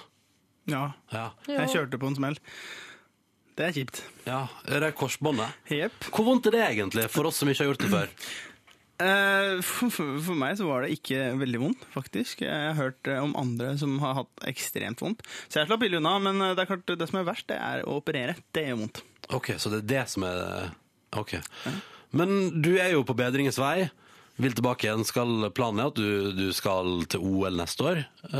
Men jeg lurer på sånn når man har For det er det jeg alltid lurer på med dere toppidrettsutøvere. Når man går på en smell og skader seg kraftig og blir liksom satt ut av spill, gjør ikke det noe med liksom Altså, blir man ikke redd etterpå? Det er et veldig godt spørsmål. Og ja, jeg tror mange idrettsutøvere gjør det. Fordi man må i hvert fall komme seg over den kneika igjen. Da. Uh, man, har jo, man får jo alltid litt respekt, i hvert fall sånn i alpint, når det kan være stygge krasjer, og sånn, så er det mange som sliter med å komme seg tilbake igjen, og, og da tørre. Tørre å satse uh, senere anledning. Nå tror jeg at uh, mitt fall var ikke så stygt, så, men, men selvfølgelig den dagen jeg står på skien, så skal jeg på en måte jeg skal stole på at det kneet det holder. Ja. Ok, så det er liksom, du må bare være sikker på at dette her er nå er alt sånn som det skal være. Da kjører du på. Ja, nemlig. Så det er det som er planen, å bli såpass så sterk som mulig og få testa det såpass at jeg stoler på at det her, det her tåler faktisk skikjøring òg. men eh, bra i rute, og så Ja. Det er på, det er på bedringens vei, og alt ser greit Ja, ut. det ser veldig fint ut. Eh, jeg satser på å være tilbake om ikke altfor lenge. Så bra. Du, eh, Kjetil, det renner inn med spørsmål til deg fra lytterne våre. Vi tar en runde. Veldig mye. Eh, Stigergutt han lurer egentlig på tre ting. Eh, Det er farligste alpinbakke, vakreste alpinbakke og vanskeligste alpinbakke som du har kjørt i. Farligste først. Farligste um, Kitzbühel, men deler av Kitzbühel, toppen og bunnen av Kitzbühel, Ja. er, de er farlige, så der har man tunga rett i munnen. Okay. Um, vakreste er um, ved en av to. Ja. Det blir enten området i Val d'Isère Nei, nå skal jeg, nå, det er Wengen, faktisk. Vengen. Det blir Hvor er det med? Det ligger i Sveits. Eh, ja, nei, Wengen er nok den fineste. Og vanskeligste alpinbakke. Bormio i Italia. Ja. Okay, Men vanskeligste og farligste, er de to, går de hånd i hånd, eller har ikke det noe med hverandre å gjøre? Til, til en viss grad, men, men det er jo litt sånn, når jeg tenker farligste, så tenker jeg sånn der, der små feil eh, vil ha store konsekvenser. Som en del av Kitzbühel så er det sånn en liten feil, og så, og så kommer det skikkelig nettet. Borgmi er sånn, den er to minutter og 20 lang. Den er Er det langt? Ja, det er langt å sitte i, i sti... i- Hva heter det? Sånn Sitte rolig i hockey. Men, Ja. men det, er, det er mørkt, og det rister mye, og man ser ikke underlaget. Og så masse sånne f- eh, komponenter som gjør at det er veldig tungt som alpinist å kjøre. Så blir veldig veldig sliten, og, det, og da, da gjør man jo feil. Så det er den som er den vanskelige delen med det. Mm. Jeg blir litt redd bare vi snakker om det. Fordi, og, men Sindre lurer på høyeste toppfart. For meg, eller for generelt alpint, jeg har vel vært oppe i 105 Vent da, må jeg tenke meg. 158? 150, 157? Det er veldig, veldig fort. Det burde ikke være lov, vet du. Nei. Du, så skriver Kim Idar her, eh, jeg vet ikke, han skriver mm, Hei Kjetil, du må fortelle om at du også er kjempedatanerd, i tillegg til å være alpinstjerne. Er du det? Ja, morsomt. Ja. Um, nå, alt er jo relativt der, så kjempedatanerd. Jeg vet ikke om jeg er det. Men, han men han har påstår at han er din gamle guild-leder i Warcraft. Ja, jeg har spilt Warcraft. Oh, Ja, du har det, ja. Fun ja. fact. Men jeg gjør det ikke lenger. Jeg spilte da jeg var sånn 17-18-19. Ja. Um, um, så ja, det, han har jo helt rett. i det. Jeg er litt sånn der, jeg kan spille Jeg spiller mye PC for så vidt, men, men uh, Var du god? jeg tror jeg er litt god. Du er god? Nei, men jeg, litt sånn jeg gjør det ikke så mye lenger. eh, Og så må man jo ofte Skal man jo lykkes som idrettsutøver, så har man ikke tid til alt. Eh, tar mye tid, så, så før alle sammen som driver idrett der ute tenker sånn Haha, nå kan jeg jo spille. Så, så Ikke det. først trening, og så kan man spille. Ja, ja. Å ja, først trening og så spille. Ikke, hvor, hvor er en dame oppi dette her løpet, skulle jeg si? For det, det, trening, spilling, så dama? Jeg, jeg har ingen måter å ro meg unna den på, egentlig. Det var derfor jeg stilte det spørsmålet, fordi der, eh, der var du ute. Oh. Eh, men da har du på en måte også vært Eller eh, har du liksom andre hobbyer som du er glad i utenom trening og dataspill? Og liksom, har, du noe sånn, har du sånn Det syns du er stas? Og kortspill, da, utenom det? Ja, utenom boms og president i kort. Ja. Um, litt forskjellig. Jeg, skal litt sånn selvskryt. men Jeg spiller litt gitar, faktisk. Gjør du det? alle ting. Eh, ikke så veldig flink, men det er noe jeg liker å gjøre aleine. Sånn Hva for min du? egen del. Eh, litt forskjellig. Er det liksom Stairway to Heaven og Nothing Nei, Else Matters' Matters og der, sånn? Men litt Big Bang, for eksempel. Ah! Litt sånne småting. Eh, men eh, som sagt, eh, for, for min egen del. For din egen del. Eh, okay. Ellers så tror jeg jeg liker sånn helt normalt sosialliv. Være med Ja. venner og, og sånne ting. Og nå får jeg får ikke inntrykk av det. Jeg gamer jo. Eller gamer. Vi sier gamere, da. Vi som er Ja. PC-nerder. Ja. Ikke hele tida. Hva, Hva spiller liker- du nå for tida, da? Eh, nå spiller jeg et spill som heter Dota 2. eh, som er en sånn eh, gammel Warcraft-klon. Ok. Um, Har ikke hørt om det. Nei, de færreste har. Å ja, det er bare for spesielt Oh, yes. Du, Vi rekker ett spørsmål til fra innboksen. Vi tar ett til. gud! Ja, men her er matspørsmål, da. Eh, eller nei, jeg må ta faktisk et av de spørsmålene som har kommet eh, flere ganger. Her er snekker Andreas. Um, Hei, jeg lurer på om Kjetil har glemt dialekta fra hjembygda si. Ah, morsomt. Eh, du, eh, det blir jeg spurt om mye selv òg. Ja. Eh, nå er det sånn at eh, nei, jeg har ikke det. Men eh, jeg har, har en familie Vi har snakka bokmål i hjemmet i alle år. Vi er jo innflyttere til Vinstra. Eh, Så jeg har en tendens til at ryggmargsrefleksen min ligger litt på bokmål. Så når jeg kommer meg ut og, med andre som gjør det, så legger jeg om, og det har jeg gjort tidligere. Så jeg har dialekta, men eh, Kan vi høre en liten smakebit? Um, så dialekta. Ja. Jeg kan godt tåle litt døl. Hvem som vil. Nei. Nei, men den ligger her. Ja, den ligger men jeg skulle gjerne, nei, men helt ærlig, det er et fint spørsmål. Jeg skulle gjerne ønske at ryggmargsrefleksen min var der. Jeg er veldig stolt av dialekta hvor jeg kommer fra. Um, så det burde jo på en måte fått da utløp i at jeg snakker dialekt hele tida. Det gjør jeg dessverre ikke. Så um, godt spørsmål. Da er det litt anelse flau. Men sånn er det. Sånn er det. Ja, det er lov, det er lov. Ok, Vi må til spørsmålsruletten. Det er en bakebolle full av papirlapper, og på hver papirlapp så står det et tall. Og tallet skjuler da et ferdig innspilt spørsmål. Ok, fikk to, jeg. Kjetil. To? To? Ja, men det er ikke lov. Å, du fikk to. Jeg tok to, jeg. Nei, jeg tar en av det, da. Ja, du må Ta- velge en lapp. Jeg trodde du mente tallet to. Oh, ja. Nei, hva, hva, hva Jeg fikk jeg fikk tallet syv. Syv. Ok, da skal Kjetil få svare på tallet syv i vår spørsmålsrett. Her kommer det. Vær så god. Hvor nær har du vært døden? Oi. Ganske stort spørsmål. Er det et subjektiv følelse? Ja, det Eller må det det være. objektiv? Nei, det må være subjektivt. Ja. Ja, for da syns jeg ikke jeg har vært det noe særlig. Ja, OK, da må det være objektivt. Ja, eh, jeg har vært eh, Jeg har vært nære kanskje en, en gang på ski. Ja. Uh, men det veit jeg jo ikke, jeg sitter jo her, så det er liksom vanskelig å si. Men uh, Men hva, var, hva skjedde, da? Uh, Nei, jeg husker jeg var um, Jeg var på vei Det var en utfor, utforløype, og så kjente jeg bare at nå er jeg Nå, nå går det gærent. Liksom, nå mister jeg full kontroll. Eh, og så var jeg på vei mot et gjerde, og så var det sånn her Nå, nå klarer jeg altså nå, nå, nå har jeg ikke kontroll lenger. Og så på en eller annen merkelig måte så klarte jeg akkurat å redde den, sånn at jeg liksom skia snidda stolpen. stolpen. Um, det er én gang. Og så en, en annen gang så var vi på trening i, i Østerrike. Og så detter jeg på innerski. Det skjer i alpint. Det vil bare si at du sklir på en måte nedover. Og, så, og så ble jeg ut av løypa, og der eh, på utsiden av løypa så hadde jeg satt opp sånn for å skille på en måte trening og og turistbakken. Ja. Og der hadde de skilt det med en sånn liten så tau, men de var da festa med sånne svære sånn trestolper. Sånne standard, sånne store, tjukke. Ja. Og hva fart hadde du her, tror du? Nei, la oss si 50 km i timen da, Ja, okay, eh, på skrivet, så det er ikke sånn ekstremt mye. Men det er er, klart, når, når den rødmalinga på trestolpen satt igjen på hjelmen min, så tenker jeg at da var jeg ganske rimelig nære å ha smakt litt på hvordan det er med å ha knekt nakke. Og kanskje ikke. Oh, oh. Så småting, man skal ha litt flaks òg, da. Ja, men du sitter her i dag, da, heldigvis. Yes. Ja. Uh, Kjetil, tusen takk for at du kom på besøk til oss i Petter. Lykke til med treningsøkta i dag, og, og lykke til med oppladning mot sesong og OL i Sotsji og hele pakka. Veldig hyggelig å ha besøk av deg, Petter Morgen. Tusen, tusen takk for det. Det var en fornøyelse å være her. P3. Hallo! Eh, det var Kevin Harris eller Golding på NRK P3. Fem minutter på ni, og I Need Your Love. Å, god morgen. Nå, så du hva jeg gjorde nå, Silje? Hva gjorde du? I liksom uh, Det at vi satt og prata og glemte at vi skulle på lufta, så er det at et, et, em, knappen revet av en knapp fra miksebordet. Ja. Hva er det slags knapp? det, den, den, den knappen, det er en knapp som gjør at jeg kan høre Dette var veldig rart. Men det er ikke noe farlig. Bare trykk den på igjen, så går det bra, det der. Sånn, ja. Der, ja. Nei, nei. Nei da. Det går bra. Okay. Mens du driver på med det der, så tar jeg en runde innom eh, Instagram og SMS-innboksen. For vi har jo i dag bedt om ditt fineste smil, og selvfølgelig også en, eh, altså et bilde, også en begrunnelse eh, for hvorfor du smiler i dag. Og det kan jo være eh, hva som helst. Og det har altså eh, kommet inn så mye fint. Eksempel Alexander på, eh, på Instagram. Han skriver smiler som en annen gjøk fordi jeg har hatt fantastiske dager med at Bamsemums. Og i tillegg så er det altså Paramore-konsert i dag.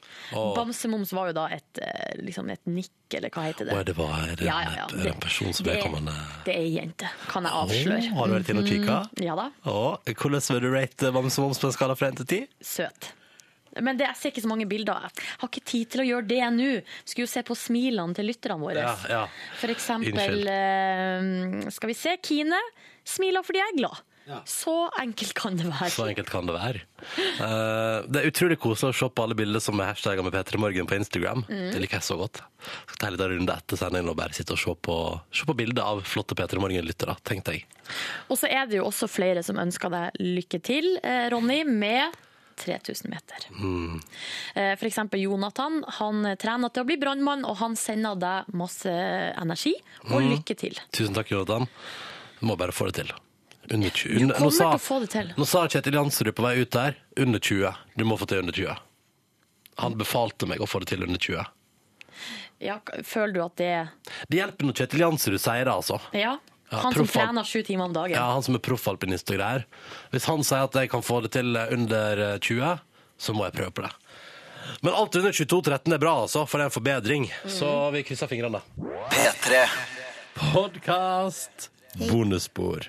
Til stades i podkasten i dag, altså Silje Nordnes i stripegenser, Cecilie eh, Ramona Kåss Furuseth i- med tricky navn, og hva er det du har på er Det det, er mange delfiner som hopper og koser seg i vannet. Ja, ja. For du er glad i eh, gensere og T-skjorte med dyretrykk? Yes, bueno si. og jeg har på meg en slitt DC T-skjorte som jeg har hatt i veldig mange år. Er du fortsatt på liksom, reserveskjortebeholdninga nå? Um, jeg har uh, Det er så dårlig stilt hjemme hos meg nå, så nå har jeg altså en del rene T-skjorter hengende på stativ. Type tørke. Uh, og så har jeg ikke gadda å ta dem av. Så i dag tok jeg den som på en måte Fordi på van, helt vanlige, uh, normale hverdager da går jeg på de T-skjortene som jeg kan bruke til hverdags, og så sparer jeg de som er liksom av bedre kvalitet, til ei litt viktigere anledning. Så i dag var en helt vanlig dag. i Til helg? For eksempel, ja. Helg, sosiale tilstelninger, sånne ting. Eh, Men jeg bryr meg ikke, eller jeg bryr meg om hva jeg går i på jobb og sånn, men jeg, har, jeg, tar på, jeg tar gjerne på meg denne slitte, ødelagte DC-T-skjorta mi på en vanlig arbeidsdag. Det har jeg ingen problem med. Du, jeg kjenner meg igjen, og jeg er også så støtter jeg det med å ha en sånn skille mellom Altså til og med på liksom For T-skjorte er jo hverdagstøy, og jeans og T-skjorte er jo hverdagstøy. Mm. Men jeg liker at man har eh, for seg sjøl en slags sånn differensiering i klesskapet. Ja. Hvilke sånn hverdagsting som man kan bruke når det er liksom litt ekstra. Ja, og da er det gjerne altså, det, den, det skiller hos meg og stort sett egentlig ikke på hvilket plagg jeg syns er finest, men det er gjerne det sånn, det er skille mellom de som er litt slitt, og de som er nyest. Ja, sånn sett. Ja. Mm. Men nå er det altså en stund siden sist jeg var og investerte i T-shirts, så jeg kjenner at um, det er på tide å gjøre nytt eh, ja, innkjøp. Ja. Hvor skal du dra ned da? Nei, jeg veit ikke. Amazon.com. Jeg lurer på om jeg skal på internett, altså, for jeg har Threadless. Ja, men de Eller Problemet mitt 80s, 80s tees. Oi, hva er det for noe? Dot com. Er det Der bare, men er det de- bare delfintrykk og Nei, der er de alt mulig gøyale trykk. Så kan du kjøpe kostyme, eksempel Super Mario-kostyme. Hvis du har lyst på det. skal tenke litt på det. Um, jeg kan fortelle dere at den buksa jeg har på meg i dag, har jeg fått kjøpt på internett. Du har det, ja? Ja, fordi- Åh, det er skummelt å kjøpe bukse på internett. Nei, nei, nei, fordi det er helt konge. Fordi um, jeg har en leverandør som jeg er relativt tru mot. De kaller seg for Levis. Levis Strauss og CO. Ja, ja, ja. Første olabuksa som ble funnet opp i hele verden, var Levis. kjempebra! Kjempebra fun fact! Men i alle Det tror jeg er reklame-fun fact. Kanskje de har, får masse Levis. jeg tror de har fabrikkert den fak...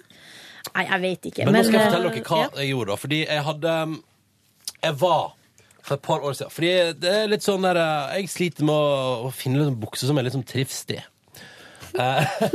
Det er viktig med trivsel. ja, Ja, det er det. Men i alle fall så var jeg for et par år siden på nyttårstur til LA og Las Vegas. Og på vår roadtrip mellom LA og Las Vegas så kjører vi forbi verdens største ghost town. Det er ingenting der, men det er altså da en sånn um, outlet-by. Altså det er bare alle de største merkene har outlets der. Svære butikker, stappfulle av varer. Ja. uh, Billig. Men, og, ja, og ingen kunder. Så vi tenkte sånn, skal vi stoppe innom her? Vi skal egentlig bare ta en kaffe. Men så ser vi da denne vesle, Det er som det er bygd opp en litt sånn Det er som det er bygd opp en sånn indianerlandsby. Sånn, sånn, du vet, sånn Ville Vesten-greie. Ja. Um, Var det horehus der og saloon? Nei, nei, nei, på ingen Med sånn pianomusikk. Ja. Eh, Og svingdør. ja, ja, nei, det var liksom uten de tinga, da. Men det var liksom trebebyggelse og masse forskjellige hus, og Vans hadde egen uh, greie. Og så var vi da innom Levis-butikken. Ja. Og der fant jeg et par uh, Levis jeans som jeg ikke har funnet verken før eller etter, men som var liksom noen sånne eh, Levis-modeller som passer meg helt sånn perfekt. Jeg bare, ah, dette er helt konge å gå med. Eh, så nå, for en stund tilbake, så fiksa jeg meg en sånn jetcarrier-greie. Jetcarrier.no, der du da kan få deg amerikansk adresse, og dermed kan bestille ting på amerikanske nettbutikker. Og så er det et firma i New Jersey som sender det videre til Norge for en liten, for en liten fi. Det må du vise meg. Det skal jeg vise deg. Og det som var helt konge, da, var at da var jeg bare inne på Og da, på amerikanske Levis-butikken, der har jeg jo Fordi på norske Levis-butikken kan du ikke bestille via internett, men på amerikanske så har jeg liksom hele utvalget, da. Alt sammen. Så Ja. gikk jeg bare inn og fant de modellene som jeg syntes var liksom digg, og så tenkte jeg sånn Ja, da skal jeg bestille nye av deg, men i andre farger. Og da bare kom. Kom i posten, passa perfekt, og jeg var lykkelig. Og jeg lurer på om jeg snart skal ta en ny runde inne på den nettbutikken og bestille liksom det det er litt gøyale uh, buksemodellene som passer meg perfekt. Var Er det de gøyale? classic 501? Nei, ikke 501. Dette her, jeg vet ikke hva det er for noe, jeg, som i går i i dag, men den er konge. Jeg kjøpte meg, det er vel bare en måneds tid siden, jeg kjøpte meg min første Levis-bukse siden ungdomsskolen. Mm. Er Levis ut?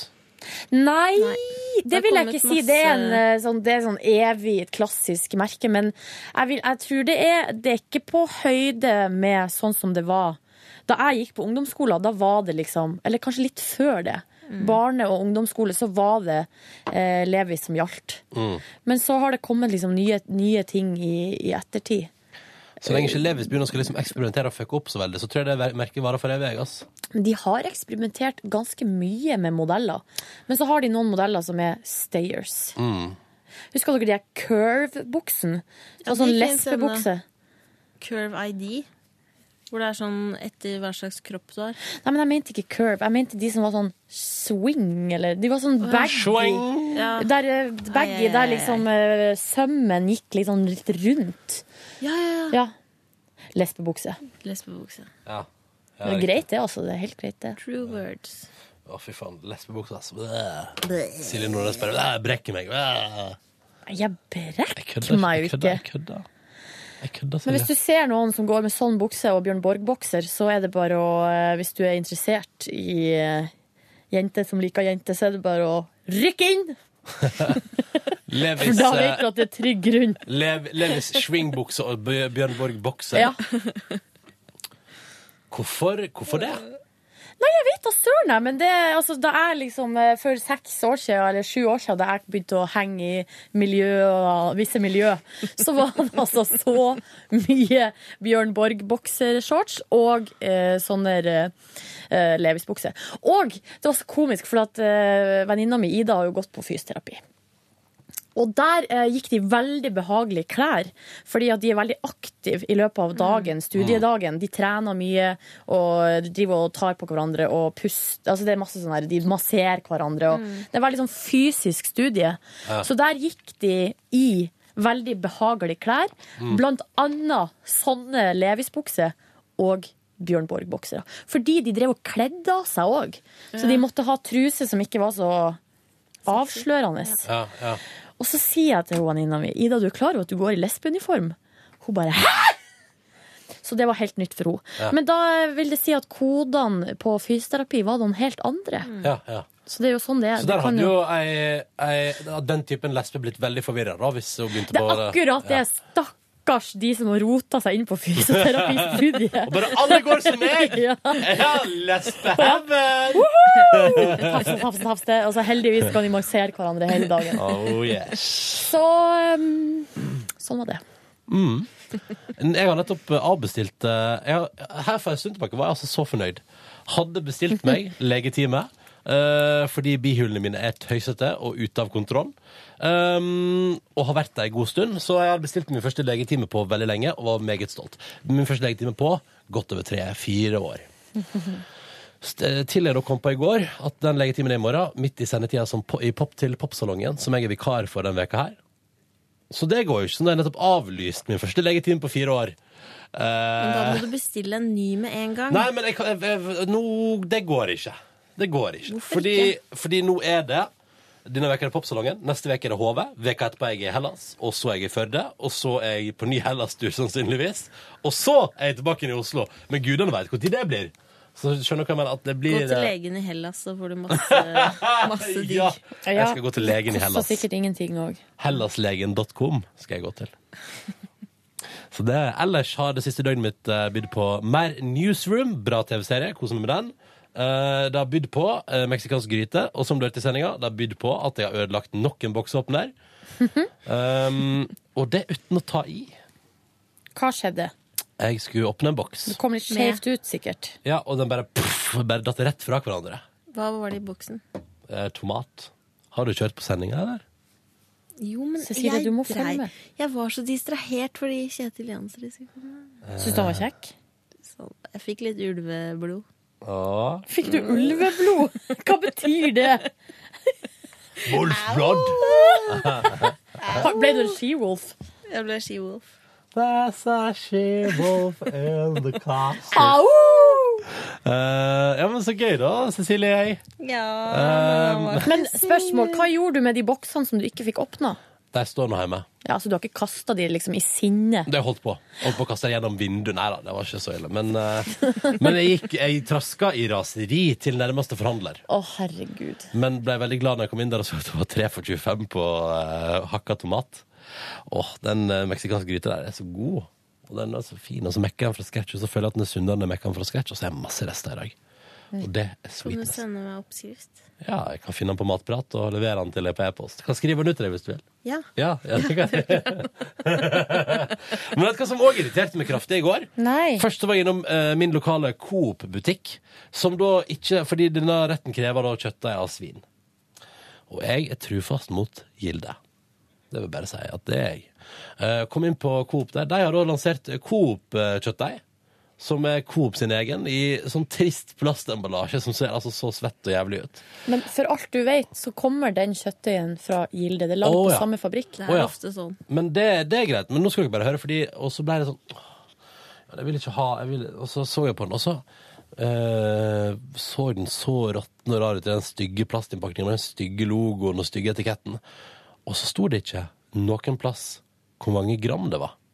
Og det var sikkert 400, men jeg tipper at det kanskje Eller kanskje det var da 350. Men det sto, så du stolte ikke på det der? Nei, nei, nei, jeg ble, jeg så ble så irritert over det. At, og så ble jeg litt irritert over det der med at det var mest det der med at og Så var jeg, kan jeg bare si at jeg hadde bare spist en porsjon suppe. Klokka var snart fire. Jeg var i helsulten. Og jeg hadde nok litt eh, Jeg var litt sånn inne på Silje-ruta der, med litt lavt blodsukker. forbanna, liksom. Ja, så jeg var litt sånn, og da var jeg litt sånn at jeg ble litt sånn Hvorfor skal alle butikkjedene drive og lansere sine egne produkter? Kan de ikke bare faen meg ta og selge de produktene som er lansert av folk som driver med produkt? Hvorfor, og, og spesielt hvis det er det samme produktet pakka inn i ny innpakning. Hvorfor? Så jeg ble liksom sånn, Og så ble liksom alt det generelle raseriet gikk da utover den svinekjøttdeia inne på Coop-butikken der. Som ikke under noe, altså, det var ikke snakk om at jeg fant på den pakningen info om hvor mange gram det var i den Slengte du den i veggen? Nei, men jeg ble sånn Og så tenkte jeg sånn, det er helt sikkert sånn Nå tenker alle som kommer her og skal kjøpe den at det er 400 gram, for det er vanlig. Og så er det sikkert 350, og så later jeg som det er billigere. Og så ble jeg sånn utrolig sint, så jeg satte det fra meg alle varene jeg hadde kjøpt i butikk, eller hadde hamstra sammen i butikken hittil. Satte det fra meg, gikk ut igjen og sa sånn Jeg vil ikke handle her. Så gikk jeg videre til eh, neste butikk, som var en meny. Der, de har gjort det enda sleipere. For dette har jo, fått, um, dette har jo mange P3-lyttere fortalt om å jobbe på Meny. Eh, der tar de uh, kjøttdeig ut av pakken sin og putter det oppi en sånn, en sånn svart eske og tar plast Plastfolie på. Rundt, ja. Og så kaller de det ferskvare, og med Nei. menylogo på. Og så er det liksom et annet kjøttdeig som er litt dyrere. Men da var jeg så lei, så da tok jeg det forbanna For det, vet du, inne på den menybutikken Det var ikke et eneste produkt som ikke var sånn med menylogo på, og som da er blitt repacked og litt dyrere. Jøss. Så da ble jeg altså sånn Men da tok jeg den forbanna svinekjøttet. Der sto det iallfall hvor mange gram det var. 400. Tok den og traska ut av butikken der og traska hjemover. Og så kommer da hjem og begynner å lage denne maten og styrer på hjemme på kjøkkenet mitt. Og så, og så går da den der boksåpneren i stykker. Og da vandrer jeg altså i så voldsomt sinne bort til den nærmeste butikken. Var det Coop-en, eller? Banna du høyt Nei, nei, det var, det var sånn eh, Det som man Altså sånn, du vet, sånn lokal frukt- og grønt-forhandler. Ja. Som da har et rikt utvalg i eh, eksotiske produkt. Og som også- Og hermetikk. Og som har et rikt utvalg i hakka tomat. Og da var jeg altså så sint, men så kom jeg inn der, og så var det hyggelig atmosfære og masse andre smilende kunder. Og jeg fikk 3 for 25, så da var jeg glad når jeg gikk ut igjen. Rett hjem at det tok ca. tre minutter fra jeg gikk ut av huset mitt til jeg var tilbake igjen, og helte da fra boks med Kan ikke alle bare ha boks med sånn åpne funksjon? Kanskje vi bare ha det nå? Her det er funnet opp, kan du ikke bare gå dit? Jo. Og helte det oppi, fikk lagd denne maten. Sto og putra, lukta nydelig. Og jeg spiste og så på Newsroom og drakk sånn derre S- San Pellegrino-vann. Å, fancy Å fyr. ja, å ja! Som jeg hadde liggende i kjøleskapet mitt. Men det var fordi at jeg i alt raseriet glemte å kjøpe mer kullsyrevann. For en dag. Kom videre på Candy Crush. Ja, bra dag i går. Hvilket nivå er du på? Skal vi se. Jeg tror jeg er på 65. Jeg prøvde det, og det var så kjedelig. Eh, Candy Crush? Jeg ble ikke avhengig. Yes. Hvor lang tid tar det før man blir avhengig? Det tar ikke så lang tid for min del. Jeg, Jeg har kommet til? Å, kom igjen nå. Candy Crush. Level 75. Å, du er ti foran meg, da. Mm. Um, så det var min dag i går. Det var min dag i går. Det hørtes helt nydelig ut. da. Innholdsrikt og mye følelser. Mm. Mm -hmm. Mm -hmm. Uh, skal jeg ta opp uh, stafettpinnen videre? Gjør det. Jeg hadde jo ikke en særlig bra dag i går. Det eh, skjønte kanskje alle som hørte på bonussporet. Det var eh, en skikkelig dårlig dag. Um, og så har jeg tenkt, prøvd å liksom finne ut hva var det som gjorde at det var så dårlig, men jeg tror at jeg bare har rett og slett litt sånn noia for eh, masse ting som må gjøres, og så vet jeg ikke helt når og hvordan jeg skal få tid til å gjøre det. Eh, og så er det litt sånn at eh, man på en måte bare forut, eh, før man kommer i gang med ting, så virker oppgaven helt sånn umulig å gjennomføre. Men så, altså, og det jeg mener nå er oppgaven, da tenker jeg på denne uka som Ja. vi er inne i. Med alt det den inneholder av, eh, av gjøremål og plikter og jobb og alt mulig sånn. Men nå, når man liksom har kommet i gang, så føles det litt bedre. Begynner Ja. å liksom bare tikke av ting på lista. Så jeg har gjort det, så jeg har gjort det, så jeg har gjort det. Så, har jeg gjort det. Mm. så i går så var jeg på eh, Jeg var hos naprapat. Og knakk litt i nakken din. Ikke noe knekking. Han satte nåler på meg i går.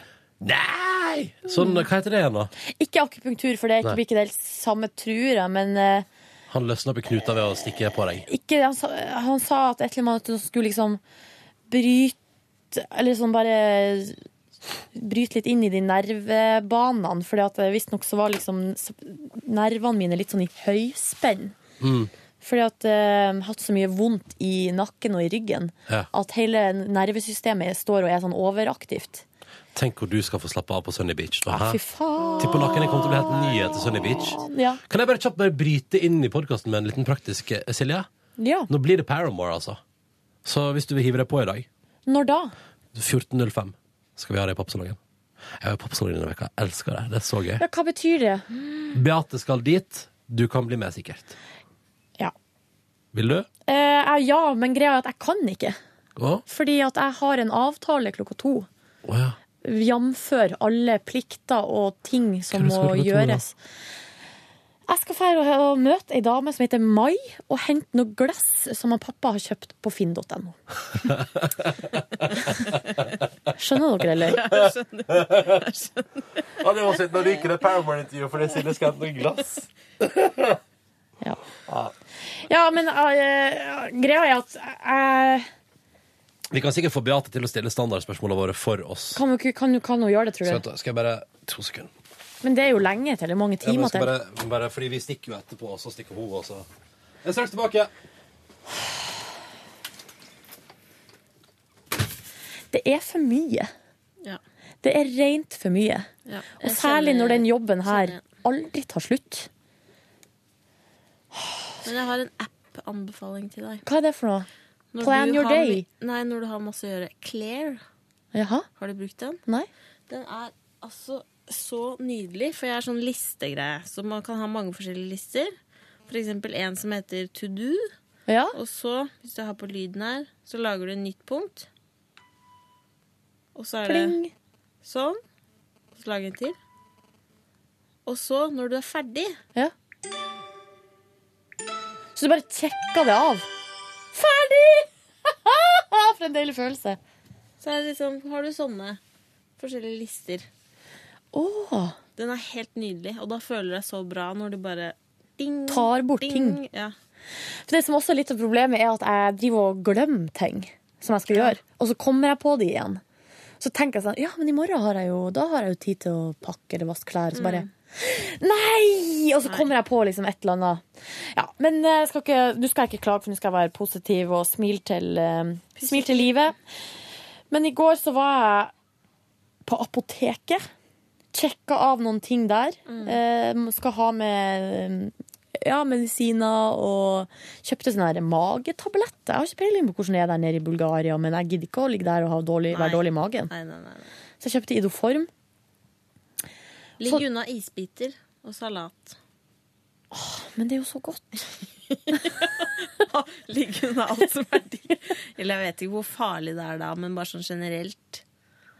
Ja, for Man skal kanskje ikke drikke vannet Ja, der for det er nede. med vann At vannet trenger ikke å være farlig, men det er sånn du blir dårlig med en gang. Men når du har vært der en stund, så venner magen seg til det. Ja. Men det er jo ikke noe digg å være dårlig i det hele tatt. Det er bare sånn små mikro... Ja, Men da skal jeg sørge for at jeg har mer. Hei, med. Det kommer. Hei, baby. Det ordna seg. Alt ordna Ja, seg. det var bra.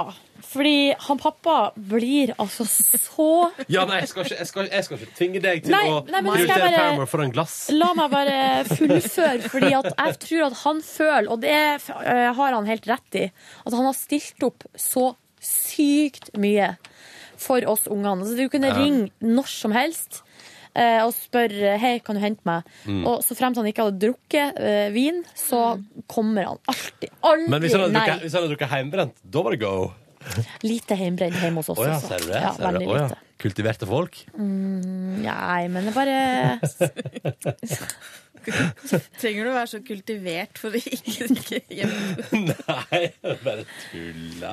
Nei, men jeg han føler bare veldig at eh, Og jeg føler òg at jeg må liksom bare stille opp. Og nå har jeg lagd avtale med hun- dama hva er det?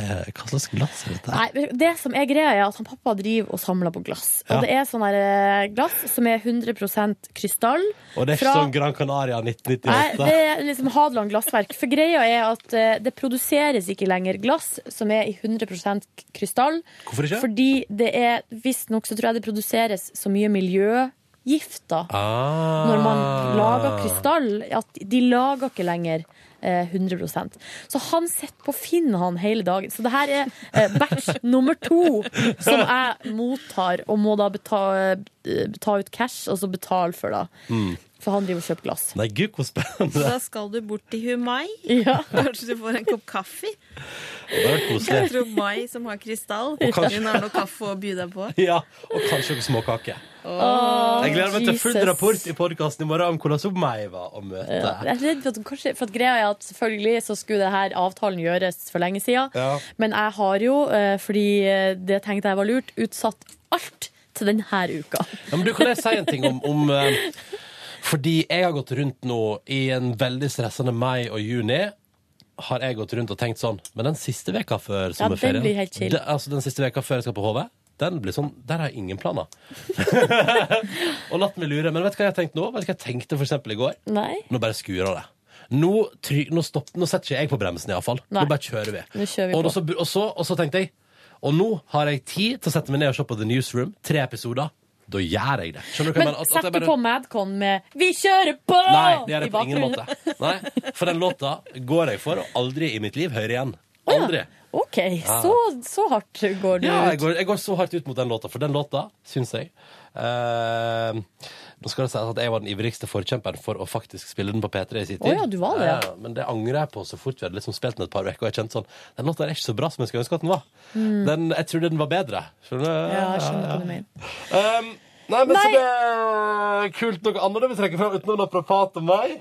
Eh, ja, gjorde jeg bare litt sånn praktiske ting. Vaska klær, og så var jeg og, og besøkte ei venninne. Det var også litt sånn eh, eh, Og så kombinerte jeg det med Nei, jeg vet ikke. Det er sånn sexy Ja. Eh, kombinerte det med en eh, Nei. Syns du det er kjedelig å høre på når jeg prater? Nei. Syns det er veldig spennende. Jeg vil høre det. Ja. Eh, Gikk hjem. Fem kilometer gikk jeg hjem, så det ble Oi. en slags kombinert For at egentlig så hadde, følte jeg veldig sterkt for å trene. Um, så gikk jeg hjem. Mm. Fikk du servering hos venninne? Fikk kaffe og Ja. en is. Oi, hva slags is? deilig. Sandwich. Å, Å, den er god. Godt. Eh, men det var altså hennes nye leilighet som jeg skulle sjekke ut, bare for å, å, å se hvordan det så ut. Mm. Eh, og så gikk jeg hjem. Det var deilig å gå, høre på musikk og podkast og sånn, og bare gå langs Oslos gater. Kom hjem, fikk eh, litt sånn mentalt sammenbrudd på kvelden, gråt litt. Nei, Silje. Så var dagen over.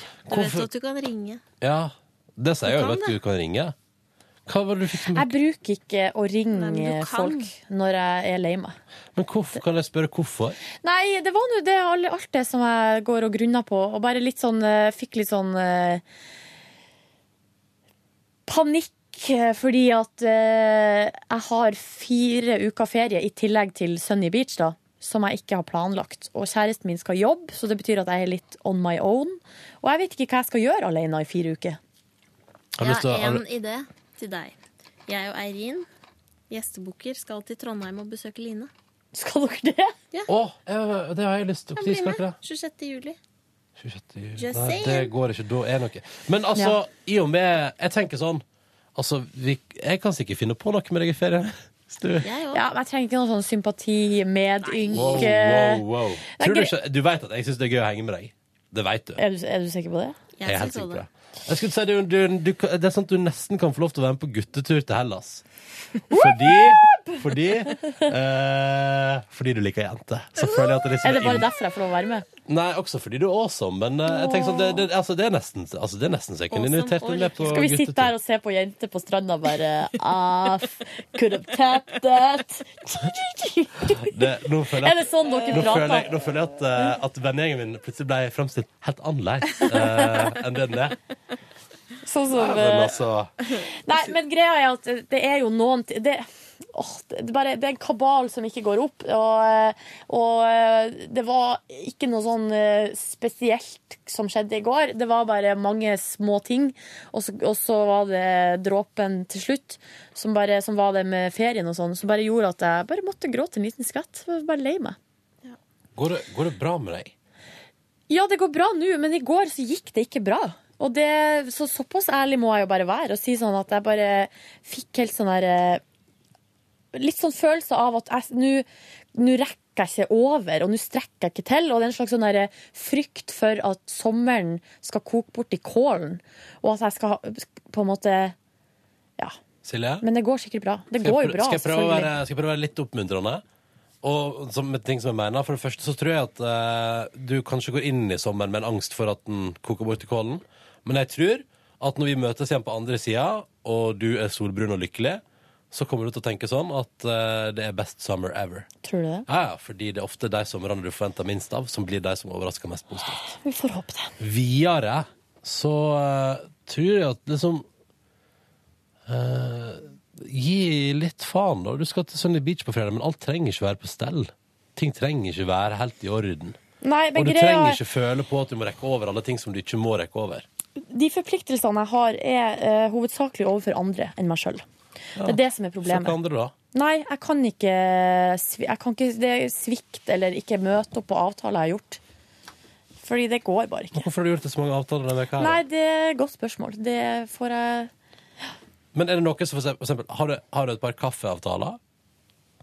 For det er jo sånn som er lett å spørre kan vi flytte det, liksom. Nei, altså jeg har én avtale som er av den sort, som er altså venninna mi som har en nyfødt baby, som jeg har uh, avtalt og skulle møte tusen ganger, og hver gang har jeg sagt det går ikke, jeg må jobbe.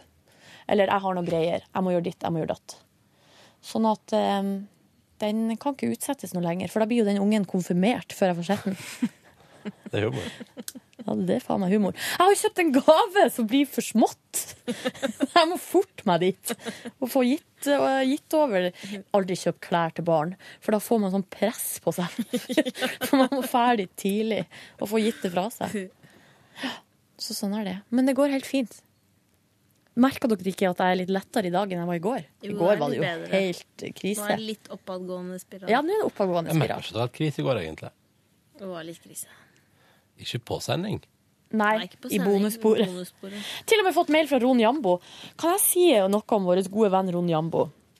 For jeg skjønner ikke, for han sender jo mail av og til. Og i, i går så skrev han mail, og han syns at, eh, eh, han syns at det er prisverdig at snippen i eh, bonussporet er så, såpass løst at, eh, at, eh, at han og andre lyttere får bli med på noen blåmandager òg.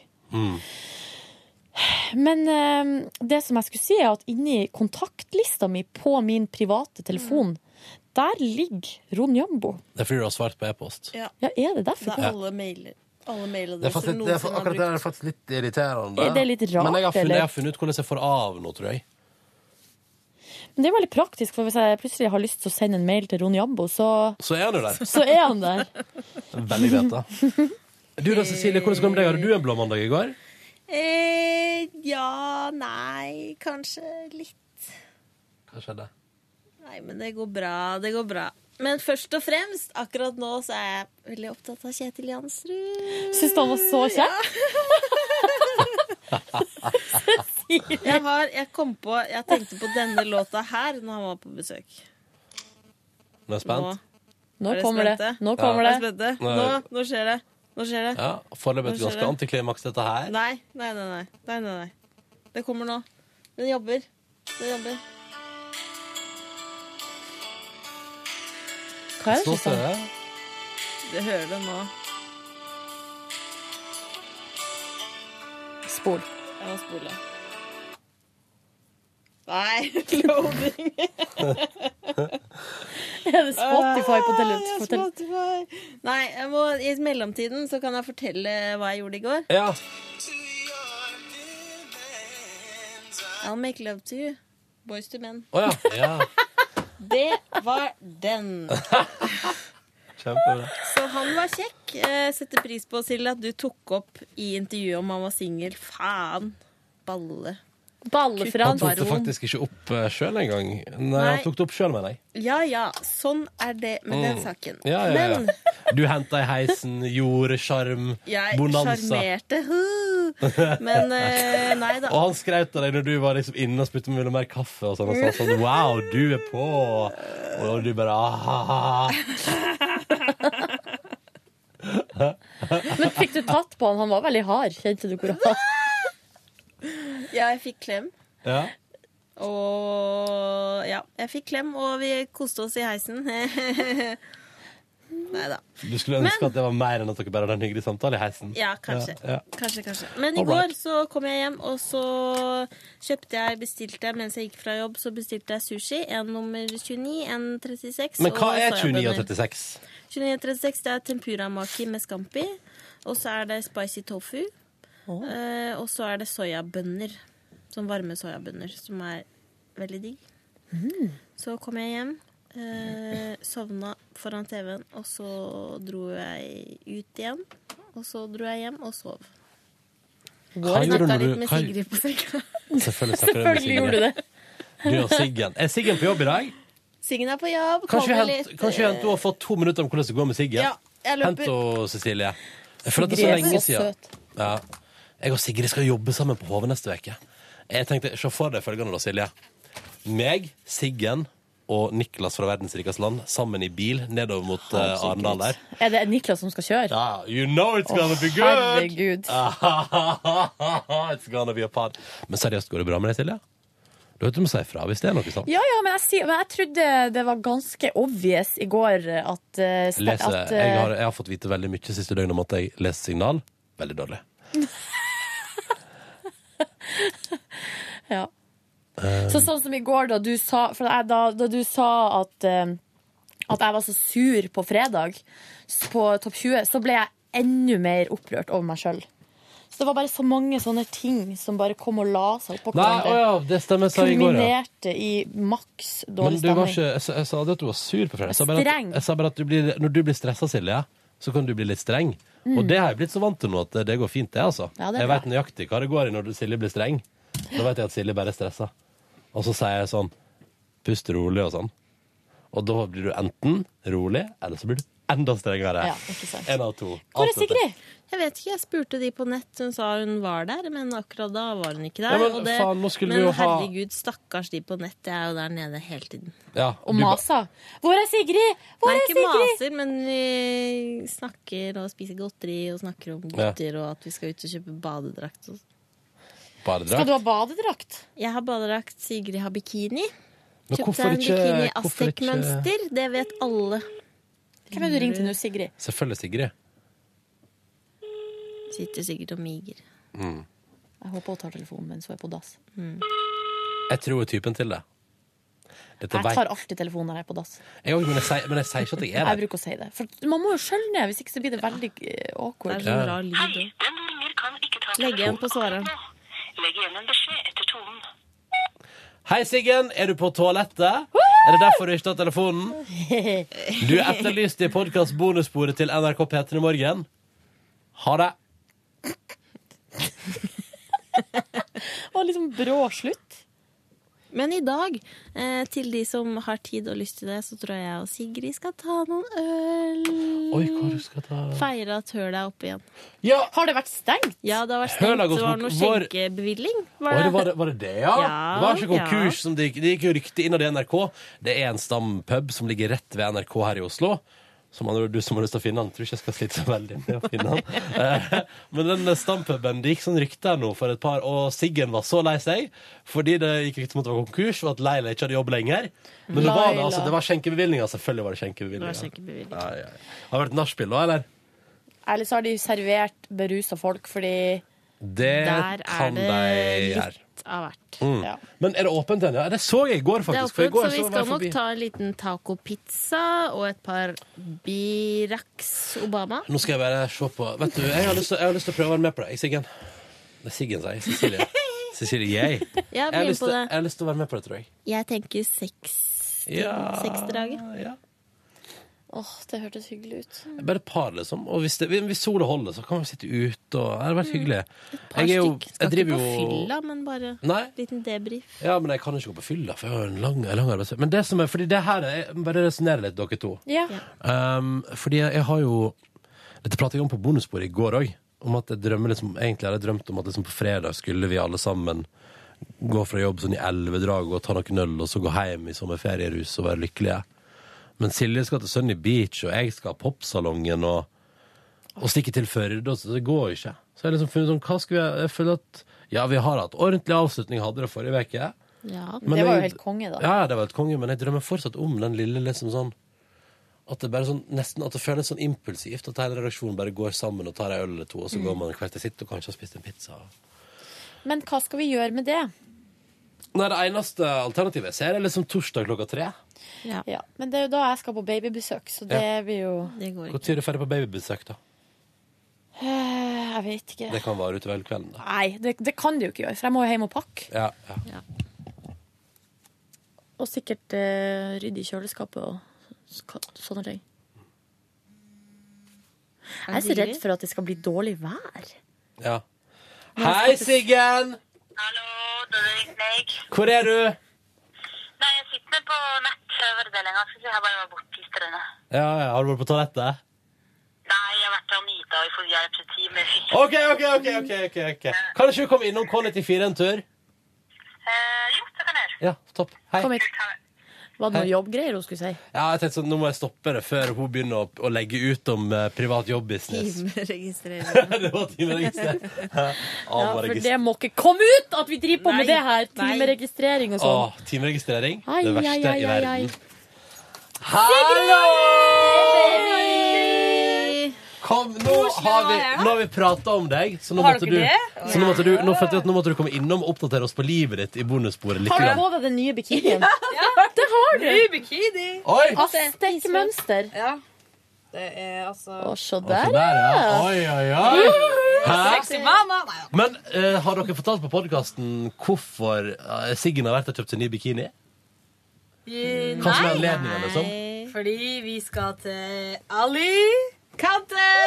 Dere to. Å, det Dere to skal for på oss. ferie sammen. Ja. Positive Åh. party power. Og vær så snill og la det bli Instagram-bonanza. Det skal vi, og det blir en del fellesmailer, og det blir noen videosnutter. Jeg har tenkt å kjøpe meg HD-kamera. Skal det? Ja, det er kult hvis du gjør det. Ja, for nå når mobilen er så eh, velutstyrt på kamerafronten, det er da man går og kjøper et eget kamera. Kjempelurt, Cecilie. Det Og synes vi har jeg- lasta ned Alicante-apper. Å, ja. Jeg har fem apper nå. Hva er det slags apper med kart og sånn? Ja, kart. Det er masse gay bars. Ja, rundt hotellet. gay bars her. The Best Beach in Alicante. Ja, sånne Yes. ting. Skal dere leie bil og sånn? Nei, det blir noe leiebil. Det kommer til å bare gå veldig dårlig, tror jeg. Vi skal drive og kjøre rundt der. Men hvordan går det med deg, Siggen? Bra. Nå er det lenge siden, lenge siden du har vært innom bonusbordet. Vi kan ta Ja. det som alle lurer på først. Er det Comeback Kid? Kid? Nei. Ja, men hva faen da, Sigrid? Men jeg har eh, Nei, det har jeg Har du- Tenk hvis du hører på det. Men jeg har eh, Har du rota? bada med en gutt. Naken? Naken? Nei, Nei. ikke naken. To gutter. Ja, det var to gutter, men det var én av dem som var for meg. Så var det bare én der. Nei da. Jo da. Jo da. Bra hvis liksom Comeback Kid er trekant. Ja. Da går du all in, liksom. All in. Åh. Nei, nei, men så hyggelig, Sigrid. Ja da, det er ikke så veldig mye. Du har jo forlatt oss Jeg vet ikke om vi sa sånn ordentlig ha det til deg, men du forlot oss jo eh, for å begynne å jobbe med P3 sitt internettavdeling. Ja, Ja. det stemmer. Vi savner det. Ja, jeg Ja, savner vi dere òg. deg. Og jeg må jo bare si at det var jo ikke fordi at jeg heller ville gjøre det, egentlig. Det var jo fordi sånn er tenk, jo om sjefen, systemet. tenk om sjefen din nå hører på. Ja, men ja, ja, det tror jeg ikke gjør så mye. Men Nei. jeg tenker bare at når man har tror ikke vært han vikar på, for å være helt Hvis man ærlig. har vært vikar for noen, så kommer jo den som man har vært vikar for, tilbake. Mm. Da må That's vi life. få noe annet. Men, eh, men det er hyggelig på internett, da. Å, det er kjempehyggelig. Og det er veldig Og så skal du på HV med Ronny. Åh. Du må passe på Ronny litt. Ja. Oh yes. Jeg tipper jeg kommer til å måtte vekke deg og sånn igjen. Der kan det hende bli noe ligging. På HV, ja. Siggen og en Jeg tipper Siggen Liten og kjapp håndjager i teltet der. Nei! Siggen og en 18-åring som er akkurat ferdig på videregående og skal begynne på Det, verste høyere er utdanning. det, det kunne jeg gått på, noe sånt som det. Bare, å nei, Men de har det ikke skjedd 18-åringene de er jo veldig ivrige. Ja. Og så er de veldig lærevillige. Bikkje- Bikkjesex. Ja, så du kan forme han i skapene i ditt bilde. Ja, ja. Kanskje det. Mm. Men jeg vet ikke hvordan du gjør det noe lenger, fordi Det så lenge siden sist. Og jeg tror, nok, jeg tror nok det går bra. Ja, kanskje. ordner Kanskje det seg. er noen gamle triks som ligger Det er som å sykle. Ja, hva skal vi si. Fnispark? Nå ble Ja. jeg veldig fnisete Ja. med en gang. Dette er kjempegøy. ja, hvordan har dere det, da? Nei, her, konge her. Silje har hatt litt emo-dager, men jeg sier til henne at det kommer til å ordne seg. Og så skal hun til Sunny Beach på fredag. Ja, Det hjelper ganske mye, da. Tenk deg du og tanta di på karaokebarer. Hæ? Ja, fy fader, altså. Men du, kommer er Odd Karsten innom Oslo før eh, Nei, for de flyr fra Trondheim. De flyr Ja. i dag. til, til Sunny Beach? Mm. De skal være i 14 dager. Å, herregud. Å ja, og så kommer du ned og joiner ei veke? Ja. Åh, Bor dere på samme hotell, da? Nei, fordi at jeg skulle bare være der i uke, for at jeg skulle jo gjøre så mye annet i ferien. Ja, vi lar den henge litt. Oi! for jeg sitter nå og har helt noia for at jeg har fire uker ferie som jeg ikke vet hva jeg skal gjøre i. Jeg vet at det er luksusproblem, da, men, Ja. men, Det er men litt sånn som når jeg la ut bilde av den der forbanna boksåpneren i går, og folk bare sånn Ilandsproblem! Tom André, her. Ja. Ilandsproblem! Så ble jeg sånn Ja, men skal produkt være elendige også bare fordi vi er et i-land? Syns ikke det? Syns ikke det?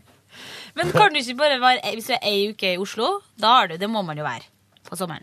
Ja, det blir vel litt Oslo, og så blir det litt nordover, Ja. og så blir det vel et eller annet. Så fire uker går jævlig kjapt, altså. Men så skal kjæresten min jobbe i 14 dager, og jeg kommer til å savne henne så fælt. Kan du ikke, ikke bli med? Det er litt rart. Jeg kan ikke bli med på jobb. Hvor du skal jobbe? Nei, det. Jeg tror de skal på Vestlandet og spille inn reklamefilm. Du kan henge med meg og Siggen. Dra ut Ja. på øyene, ta og bade litt, grille. Ja. ja, nei, det ordna seg, det der. Det ordner seg nok. Hvorfor ringer, ringer Trine Jørgensen Åndal med nå? Spør, kanskje hun Den leter etter telefonen må meg? jeg ta Kanskje hun etter leter pod- etter meg? Den telefonen må jeg ta etter podkasten, tror jeg. Fordi at nå har vi bare et par minutter Ja, igjen av men vi podkasten. skal jo fære og så sprenge 3000 meter, Ronny Bredåse. Så flinke dere er! Og greia er at egentlig så må vi komme i gang, for at vi, du må spise litt, for du har ikke spist i dag. Og Nei. greia er at egentlig så burde du la det gå en time før du sprenger. Minst. Nei, men da er jeg fucked uansett. Ja ja. Men eh, så Det er lov må å prøve seg. Nå må vi komme i gang her. Mm. Siggen, eh, kjapt ellers, da. Livet, det, det treating you nice. Og... Livet veldig bra. Så vil jeg bare få, når jeg har sjansen, å takke til det heter Torger eller noe, som sendte meg sånn tips om sånn leggstøtte. Ja. Funka som bare juling, så nå er foten snart helt bra.